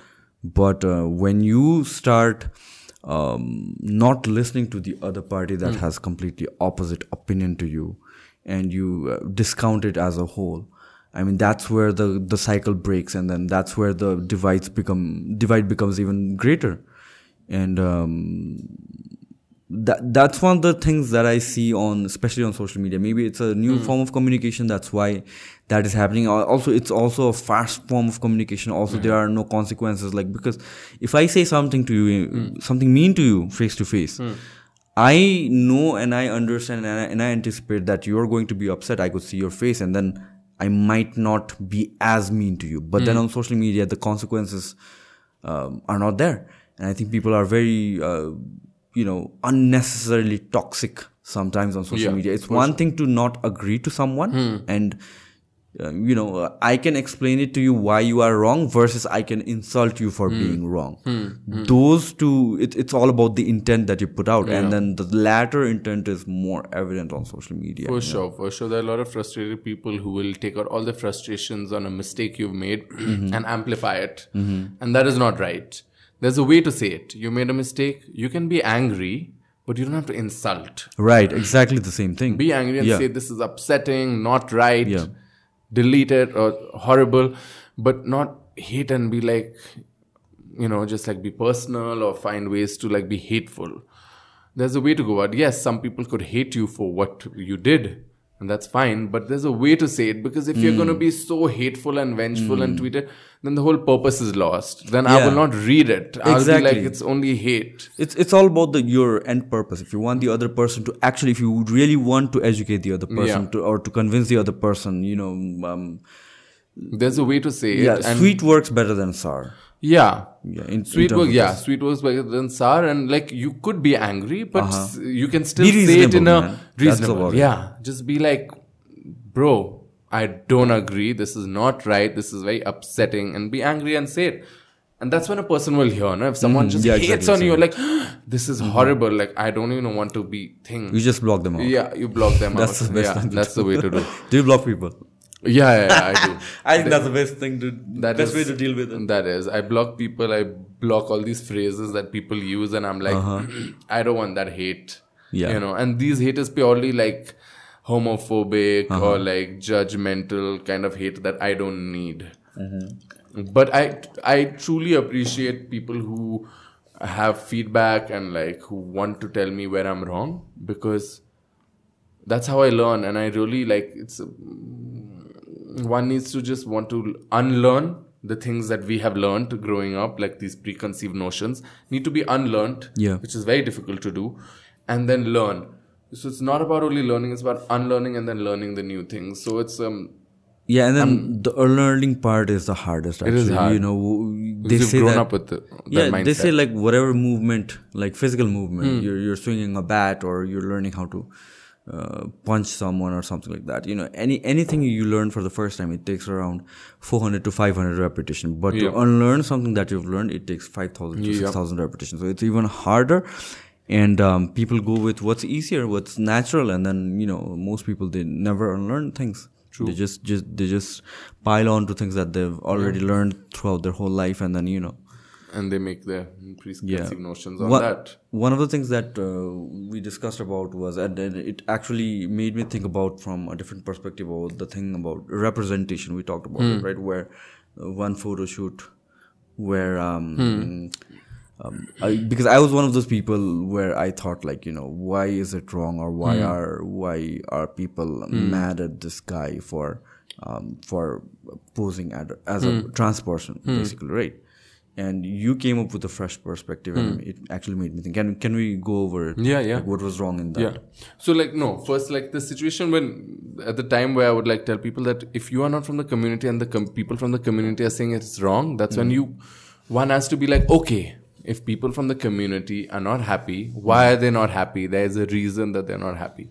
The thing is, when a popular person is there in the um, representing someone who's uh, when a straight person, straight pop, uh, cis het, cisgender heterosexual popular person is re- showcasing as someone from the queer community to promote it that's fine in this part of the world because in bollywood in nepal people from our community and i don't know anyone who's an a-lister who's really superbly popular.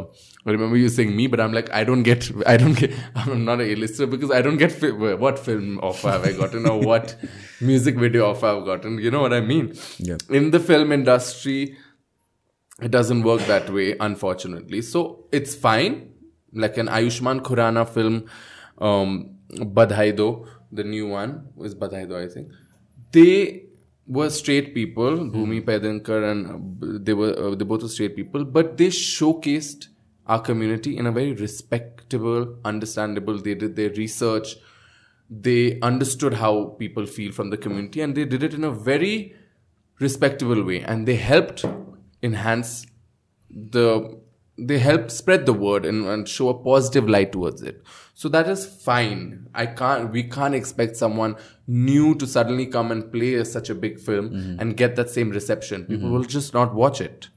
So that i understand. But when uh, a whole project is based on a queer community or something in the queer subject which was problematic in the whole place the thing that that shoot was inspired with the film and the character that the shoot The was inspired with, yeah the shoot and the character that it was inspired with was very problematic was something that our community the transgender community didn't like it was very disrespectful it wasn't showed in a right way so to be inspired by that community to be inspired by that that project from the west use it in Nepal. That was something that people didn't find right. They said that it is based on a very problematic character. And where's the representation of people from the queer community? Who from your team was queer? So that is what it was. It was just that the whole attention goes on a famous person, no matter what. In this, it went on that character who played it. So everyone was like, him, him, him. But the whole main thing was not him main thing was as a team as the research as the people involved where was the res- uh, you know it didn't go right it just went wrong and that's what they were trying to say. So i think it's good. It's so good to see people from like in india so many people speak about it and now it's so good to see that there's a huge for for the fact that someone like you is cisgender he- heterosexual for you to have known about this and for you to have this thing to come in your mind it means that this thing is reaching out to people. People are hearing about it and understanding that there are people from our, from the uh, lgbtqia plus community who is speaking up and it is creating an impact. So i think uh, conversations like this is so important and it's all for like a, like a bigger thing you know? Yeah, because like when I um, think about that project and what went wrong and what was the Hmm. um, criticism about it, the way I thought it was like the character should have been played by a gay person or or transgender person, Yeah. basically, Yeah. right? But uh, what I understood from you is it's not as important as the story itself, the project the itself, the, project the, itself. the creative idea behind it. It's not about uh, building or creating a quota Yeah. for someone someone from the transgender community, but having Or an LGBT, input. yeah, anyone yeah Yeah, f- having an input from someone who actually understands the thing, right? Yeah. So that's what you meant. That's what I understood. Yeah, the whole you. process is to be mindful. Yeah. Okay, we want to put someone who's really popular, who's Uh-huh. from the cishet, because they have that portal. Clout, yeah, right. Yeah. But we want to be mindful. The rest of the team needs to be from the queer Mm-hmm. the create, community. yeah, the whole project. Give opportunities to queer Right. people, the makeup artist, the hairstylist, the photographer, the director, and research well. Make sure Mm-hmm. you're respectful towards the community because you aren't from the queer community, but you're trying to support them. You know, we aren't just happy with people dressing up as uh, someone from our, or acting as someone from our community. That's not that's that's not something we are like, oh wow, thank you. Hmm. We want proper representation, like the right way of representation, and all these conversations made me also learn because I'm not transgender, I'm gay, and I read up and I was like, this is true. People from the transgender community are speaking about it. You have to see their perspective. Why are they speaking about it? I'm not them. They are them, and they they know more about you know how they feel than we do. So we are no one to question them. Um, so yeah, it's it's these conversations are very important, I think, and it's really making people read up more and aware and making people a little more cautious Mm-hmm. to not disrespect people from our community because there's a big voice, a lot of conversation happening, and that's important because till you don't make people cautious, they won't care. They'll say, "So what? You're the minority," and they'll just move on. Yeah, one of the thing um, I think that scare that scares mo- not like scares, but that creates a barrier is like you know, uh, am I like when when we're having a conversation, you know, not me personally, but mo- for most people, it's like, am I saying something wrong, or am I am I going to be insulting the other person in a wrong way that I personally don't know is actually wrong. You, you understand what I'm Yeah. trying to say, Yeah. right? Without knowingly, it's not without intending to disrespect someone. And I think what they what people do is they create a barrier, then never communicate on uh, you know with with the person on the other side.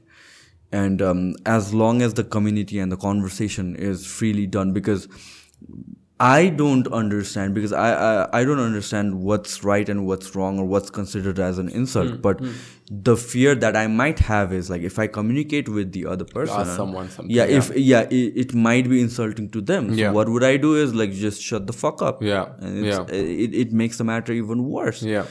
and uh, that should be you know because um, I've seen people getting pissed off of mistakes Yeah. as well, genuine mistakes, Yeah. And that shouldn't happen. Yeah. No, the thing is how you say it. Yeah. There's you will be like, "Mm, why would you think this is wrong? What do you Mm-hmm. mean? Why would you think? Aren't you hearing what I'm saying? And there's a question like, I generally uh, would like to have more information about where things went wrong. People were, are not going to get angry.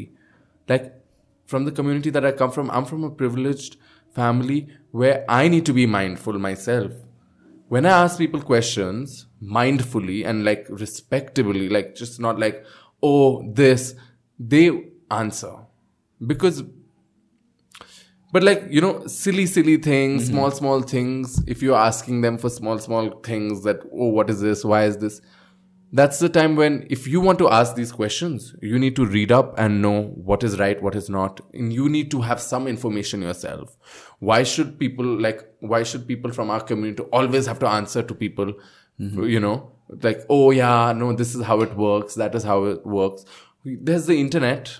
Why don't you read but, up? Hmm. But but I understand, you know, because like there are so many things related to other topics as Hmm. well that people see. Internet, I think, like for a lot of people, it's a, a very new phenomenon. Like I'm, Hmm. I'm telling this in terms of fitness as well, right? It's something that everybody does, and people asking like, is this supplement vegetarian or not? Like Hmm. this is something that recently happened. So what I did was like, it's it's very easy to like Google it up, Hmm. but I googled it, and you know, I think it's we're so early in this gender conversation that you know you you have to maybe it's better that the other person does some research but i think Yeah. you need to lend a hand as well i mean like Yeah. it might be For annoying sure. at first No, no, for sure. yeah but but that's it's not just regarding uh, the gender thing as a whole but i think in, in general in any conversation people are not searching it up on google or youtube yeah, so because that if they're the messaging us on. DM, Yeah. mm, why don't you spend that time asking the question to Google? exactly and and for people like you and me who for whom it seems like for me fitness a lot of things on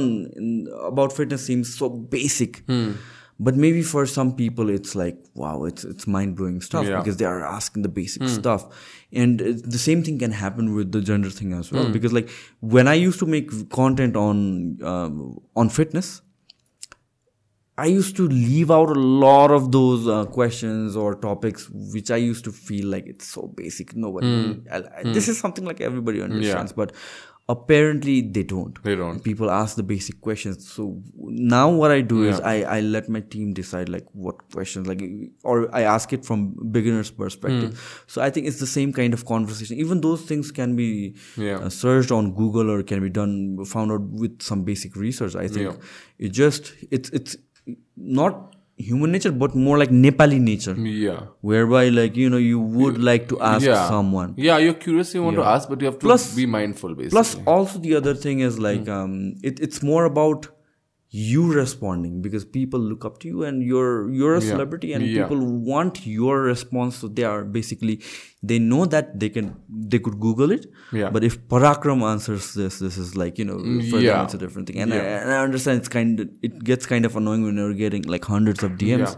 But or yeah. anyone from the community because they'll be uh-huh. like, you know, oh, you are the one. It sounds from- you're the queer Yeah, one in this group, and it's always the queer people are the uh, one or two in a group of ten or one. The questions get asked to them so often, and it's like, yeah. ah, It's not my responsibility to always Hmm. answer to the same things. I just want to fit in and be normal. Right. If you really because they're about- fighting two battles at the same time. They're ba- Yeah. bad, basically battling the community as well, the society as Yeah. well, and then they, at the same time somebody is like asking them. Yeah.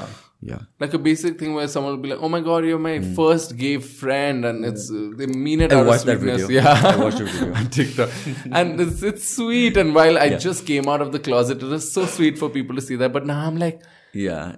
It yeah, you're my gay friend, but like, yeah. oh, like how does that matter? Yeah, Mm-hmm. like I'm your friend uh, Mm. who is happens to be gay, which you're Mm-hmm. blessed. But like, you don't have to like. There's these small things it piles up because I understand. I completely understand, but I think that's how the world is going to progress yeah. eventually. But I don't like, five years from angry. now. Yeah. Five years down the line, I think these these are the questions you won't be asked. But right Yeah. now, since this is like the not transition five. period, I think more. Yeah, yeah, Hopeful five. Hopefully, hopefully, let's be positive. Yeah. So maybe like, but but for now, I mean, like people are more curious. Yeah. you know, and Yeah. that's how it goes. No, if they genuinely ask, Yeah, people answer. Mm-hmm. I've asked people things and I've been scared. Will they get upset Mm-hmm. from my community only because I don't understand everything, obviously. you get a lot of hate from the LGBT community itself as well. I mean, like, Mm, thankfully, not. okay, Thankfully, not. Not from the Confrontations? LGBT Not really. And when they do confront, I I, I am mindful. I Mm. understand, and I'm like, okay, that's where I went wrong. Mm. And it's not like I'm blinded. Like, oh, you told me that it's wrong, so it's wrong.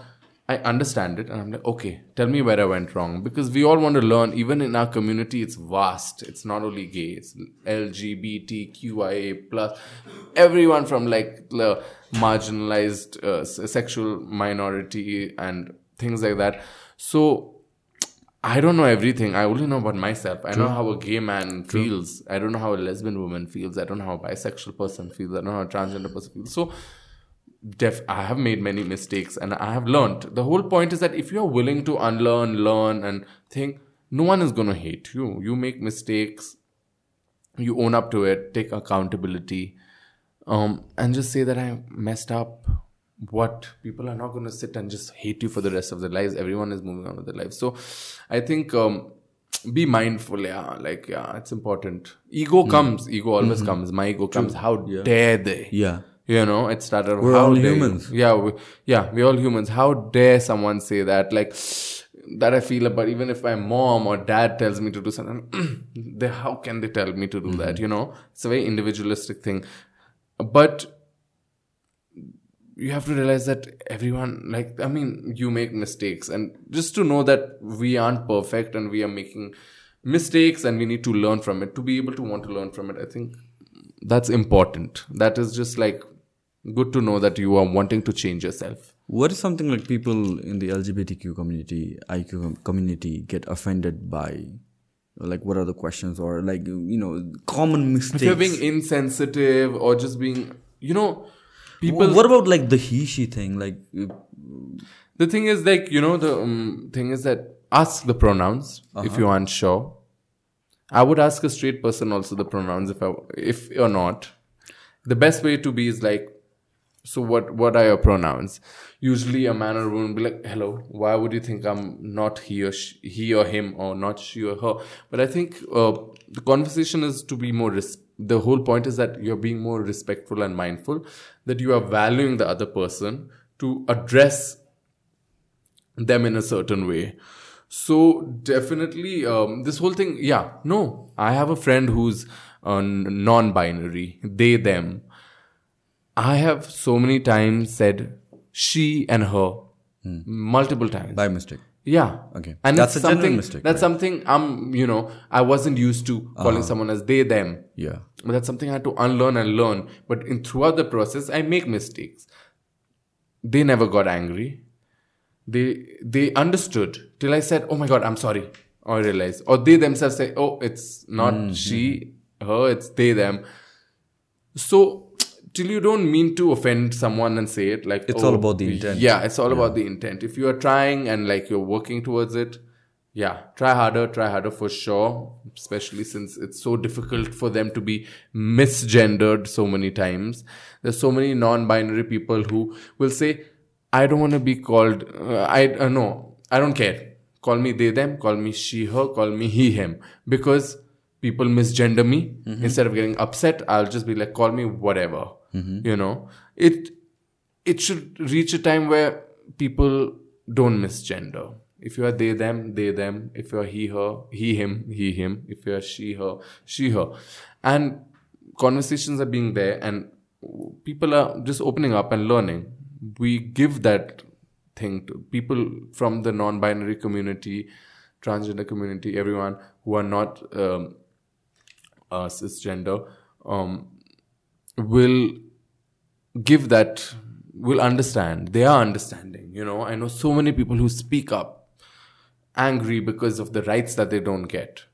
But when you these basic these things that we do till they know that you your intent is good Yeah. that's what matters. People get really scared. Oh my god from our community they're going to attack Uh, we will not mess with you guys. We will Yeah, yeah, exactly. you are angry with us for doing this. Now we will Exactly. not rep thing it's not about that you know. Like recently there was this film that came out where they misrepresented people from the from the transgender community and showed them in a bad light and people spoke up about it. I spoke up about it.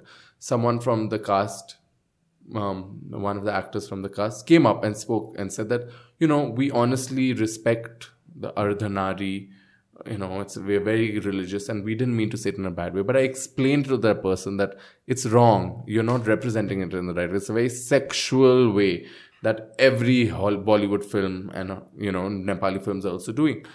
And just to know that that person was wanting to understand. I mm-hmm. wasn't being rude. I was just mm-hmm. like this is not right. This is not right. It's like the person was like okay why am i not right? Yeah i want to know. I want to understand. I want my intent is right.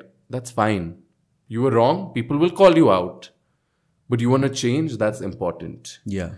after being called out, you can say, fuck it.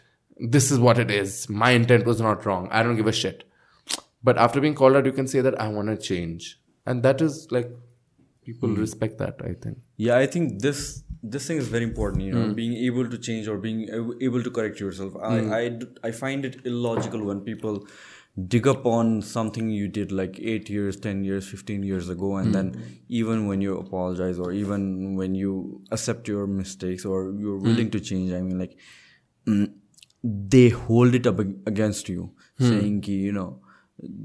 It, the opinions, you know, people Yeah. can be mistake at different stages For of sure. your life. You, You know? change. Yeah, Eight exactly. years, you change. 10 years ago 15 years ago i might have been a different person i could i would have said like stupid shit on any regards or any person or anything any opinion but uh, somewhere along the way i get educated more i get more rational i get i learn about things i you know experience more Yeah. stuff and then my opinions can change Yeah. that's the beauty of it i mean like you your opinions can change you learn things in your life you know if you were um, as smart as you were like 10 years ago that means you've never made any progress for sure. and that should be like as long as these conversations or as long as these mm, you know ac- acceptance of my change or my view towards something is actually genuine i mean people should be allowed to make that mistake and then move forward as well because that means that's very acceptable Yeah.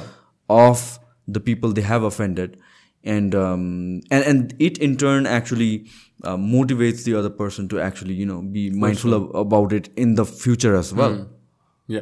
No, the thing is, eight years, eight years, there are two people who had made mistakes eight years back. But the question is, the, there's one who didn't apologize.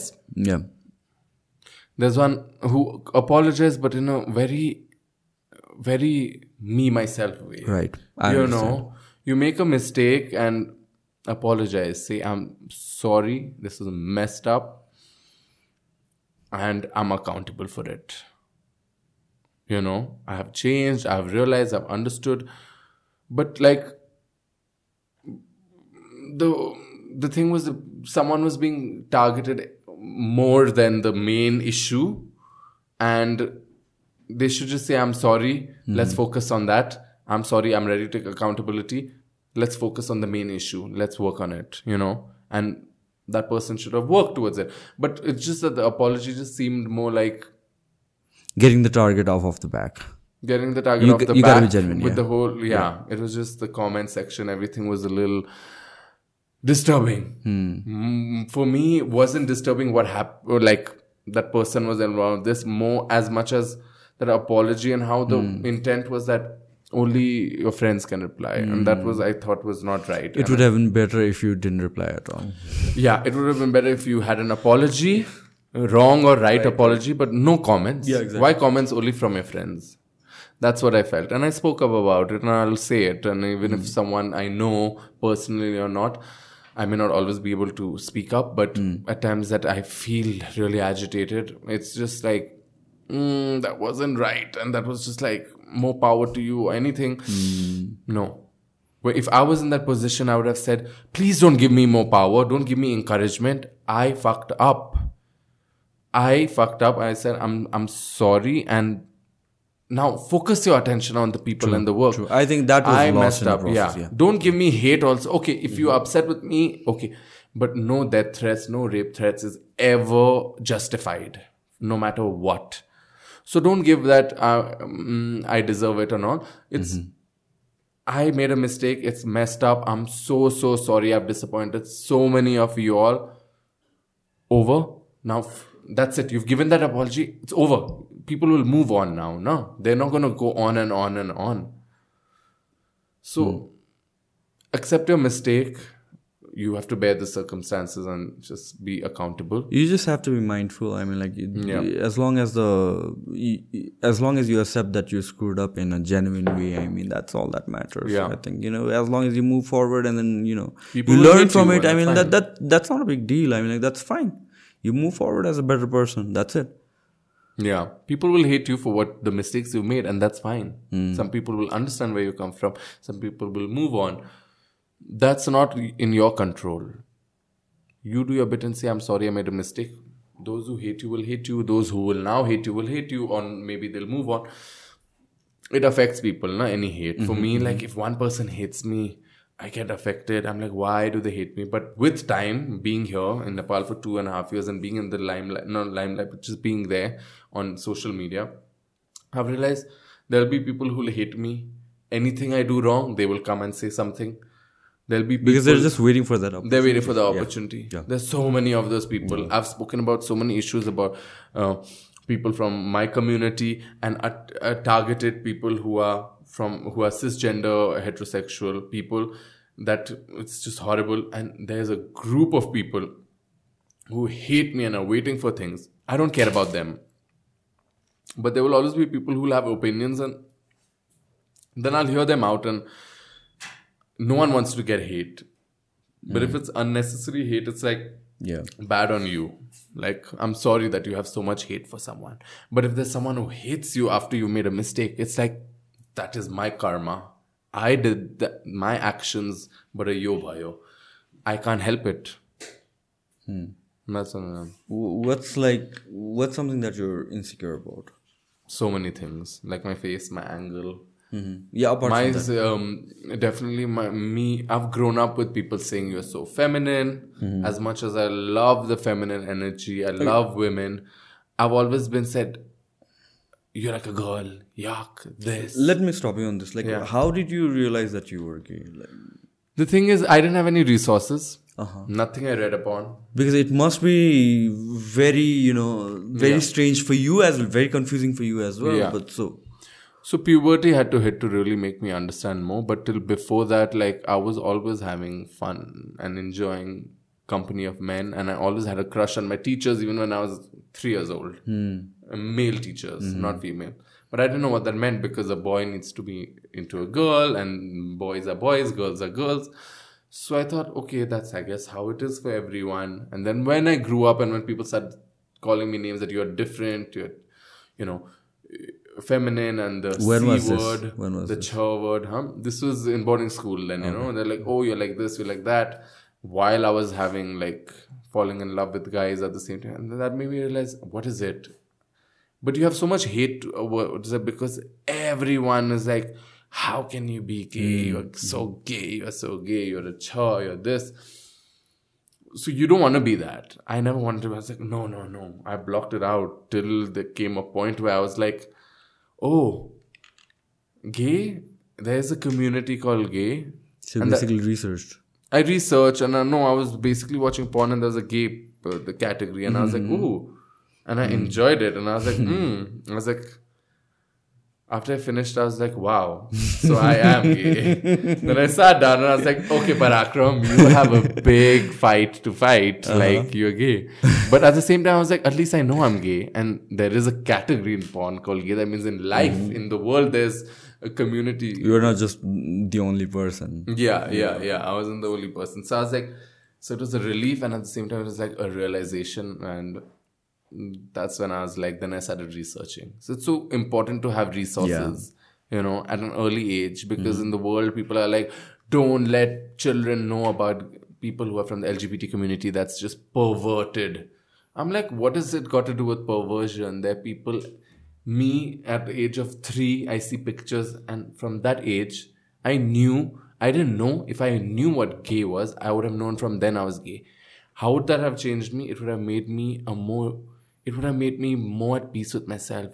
That whole three to 15 years of rejecting myself, not hmm. understanding, hmm. I would have been a way better person, more sane, sorted in many ways in life. It's got nothing to do with perversion. Sex is sex. Your parents have sex. So, mm, two guys having sex or two girls having sex is the same thing. There's no perversion in that. No one is going to introduce you to that as a kid. It's about your orientation. What are you into? You know? So, yeah, that resource is so important. There are kids at three, four who are identifying as trans because they've been reading up about it and they're understanding that what it is, there's no gender, male, female it's important it's just messed up in the world even in america and anywhere in the world it's messed up so Yeah, I think it's it's turned into a very political agenda based thing as well. yeah Yeah, Mm. yeah, for a lot of different countries, different places and stuff. So apart from that, what what are your insecurities? um i have many insecurities i'm very problematic that way mm, definitely like i said my face i have good so, so you feel like you you you look. i feel like i know how to make myself look good There's a huge difference that from left to right, there's a huge difference. yeah there's such a difference so that itself shows that I I don't. yeah I don't understand. yeah I'm I don't have the eye for I it. hope people don't understand. But also my personality, like you know, people said so feminine, so feminine. It's Uh-huh. just that I always um didn't want to be feminine because Right. not because I was so comfortable around women and the feminine energy, but because people hated me for being that. And you know, when people from my own communities like I want more masculine people, I, I am into more masculine people, things like that. Those also affected me. So I have, I have, I have, I have the most insecurities that you could ever find in anyone. I feel. Um, yeah. Apart from those two, What else? Um, definitely. and only if you're comfortable talking. No, I'm I'm trying to think, but like there's so many like any small thing makes me so insecure. Like uh, rejection, which I face so much in life, that makes me very insecure about me as a whole person. You know, um, definitely, yeah. Just my body, I'm insecure. If I put on a little bit weight, I will be like, oh my god, you know. This is just the things that I've grown up with and wanting and like seeing other people that yeah means um yeah Yeah, one of the things you told me was like you're very comfortable about reading comments, and you know it doesn't affect you in in that degree that you know you take it. mm, what's reasonable, you take it in a positive Yeah. way. And like, is it something that because you've gotten so many bad comments or so many people saying negative things to you throughout your whole life that you've built up a thick skin, or is it something that you know you rationalized it? With what? With with my insecurities. No, no. In general, the comments on social media. The comments, you know, after a in the beginning while growing, when I saw people said those bad things, it was Mm-hmm. good. But I got lucky because ninety five percent of the people show love. That five percent who showed hate, which No, you- affected me. You mean first. right now or like ever Even since? yeah, uh, when when I started getting popular on TikTok and all, there were a lot of people showing love, but not 95. It started maybe like 70, 30. But more love, more love, more love. And those hate then didn't mean anything. Hmm. Because I'm like, so many people love me for who I am, for the content I make. Why am I focusing on the negative? Like, I should feel blessed. People from my community get 95% hate and they're still fighting it and working hard. If I got that much hate, I would have left this industry. I would have been out. I'm not dealing with that. So maybe my privileges ki wajah say they're like, oh my god, you're such a cool version or you're such a classy. And I'm like, duh, like, mm mm mm. It's not right. It you know, it's it's a backhanded compliment. So yeah, it's very complicated. Isn't it strange that we tend to lean towards the negative uh, negativity, even if it's like one or five percent? I mean, sure. it's evident on everyone. You know, Yeah. like I'm pretty sure like majority of the population will have more love than hate. Yeah. and uh, the, that that minor one percent or five percent, whatever it is, that affects more than the ninety five percent of the For positive things that we get to hear about ourselves. And I think, uh, you know, we take that positivity for granted so much. sure. And also, it's so evident on social media or be it news or whatever it is, we're so much attracted towards negative news or even Mm. if it's clickbait, even if it's fake news. And that is why, you know, you look at media, it's all always, you know, Yeah, that scary, yeah. scary tactic. Yeah. India, they're like the the masters of this, but but- Masters. yeah, but even globally, that's where it's it's Yeah. heading. You know, the negative news we tend to share it, but then the positive news or positive things we we take those for granted. Bec- Yeah, for sure. Because like I get whatever hate I get, I'll respond to that. And people are like, why are you responding to that when so mm-hmm. much of people show you love? And it's I guess the egos just want to see only good things about us. Hmm. And it messes it up when there's hate. Okay, did did we miss anything in this conversation? No. Do you want to add anything? Nothing. I think we spoke a lot. How many hours? Almost two hours. Thank you so much for doing this, man. I, Thank it was you. really great conversation having you. I, Likewise. It was fun. It was like it was fun. It was smooth, nice. are you drunk? Tete a tete. I'm tipsy. Not drunk, a little tipsy. All right, all right. Well, let's end, end this then. Thank you so much, man. Yes. All right. Bye-bye. Bye. guys. Bye.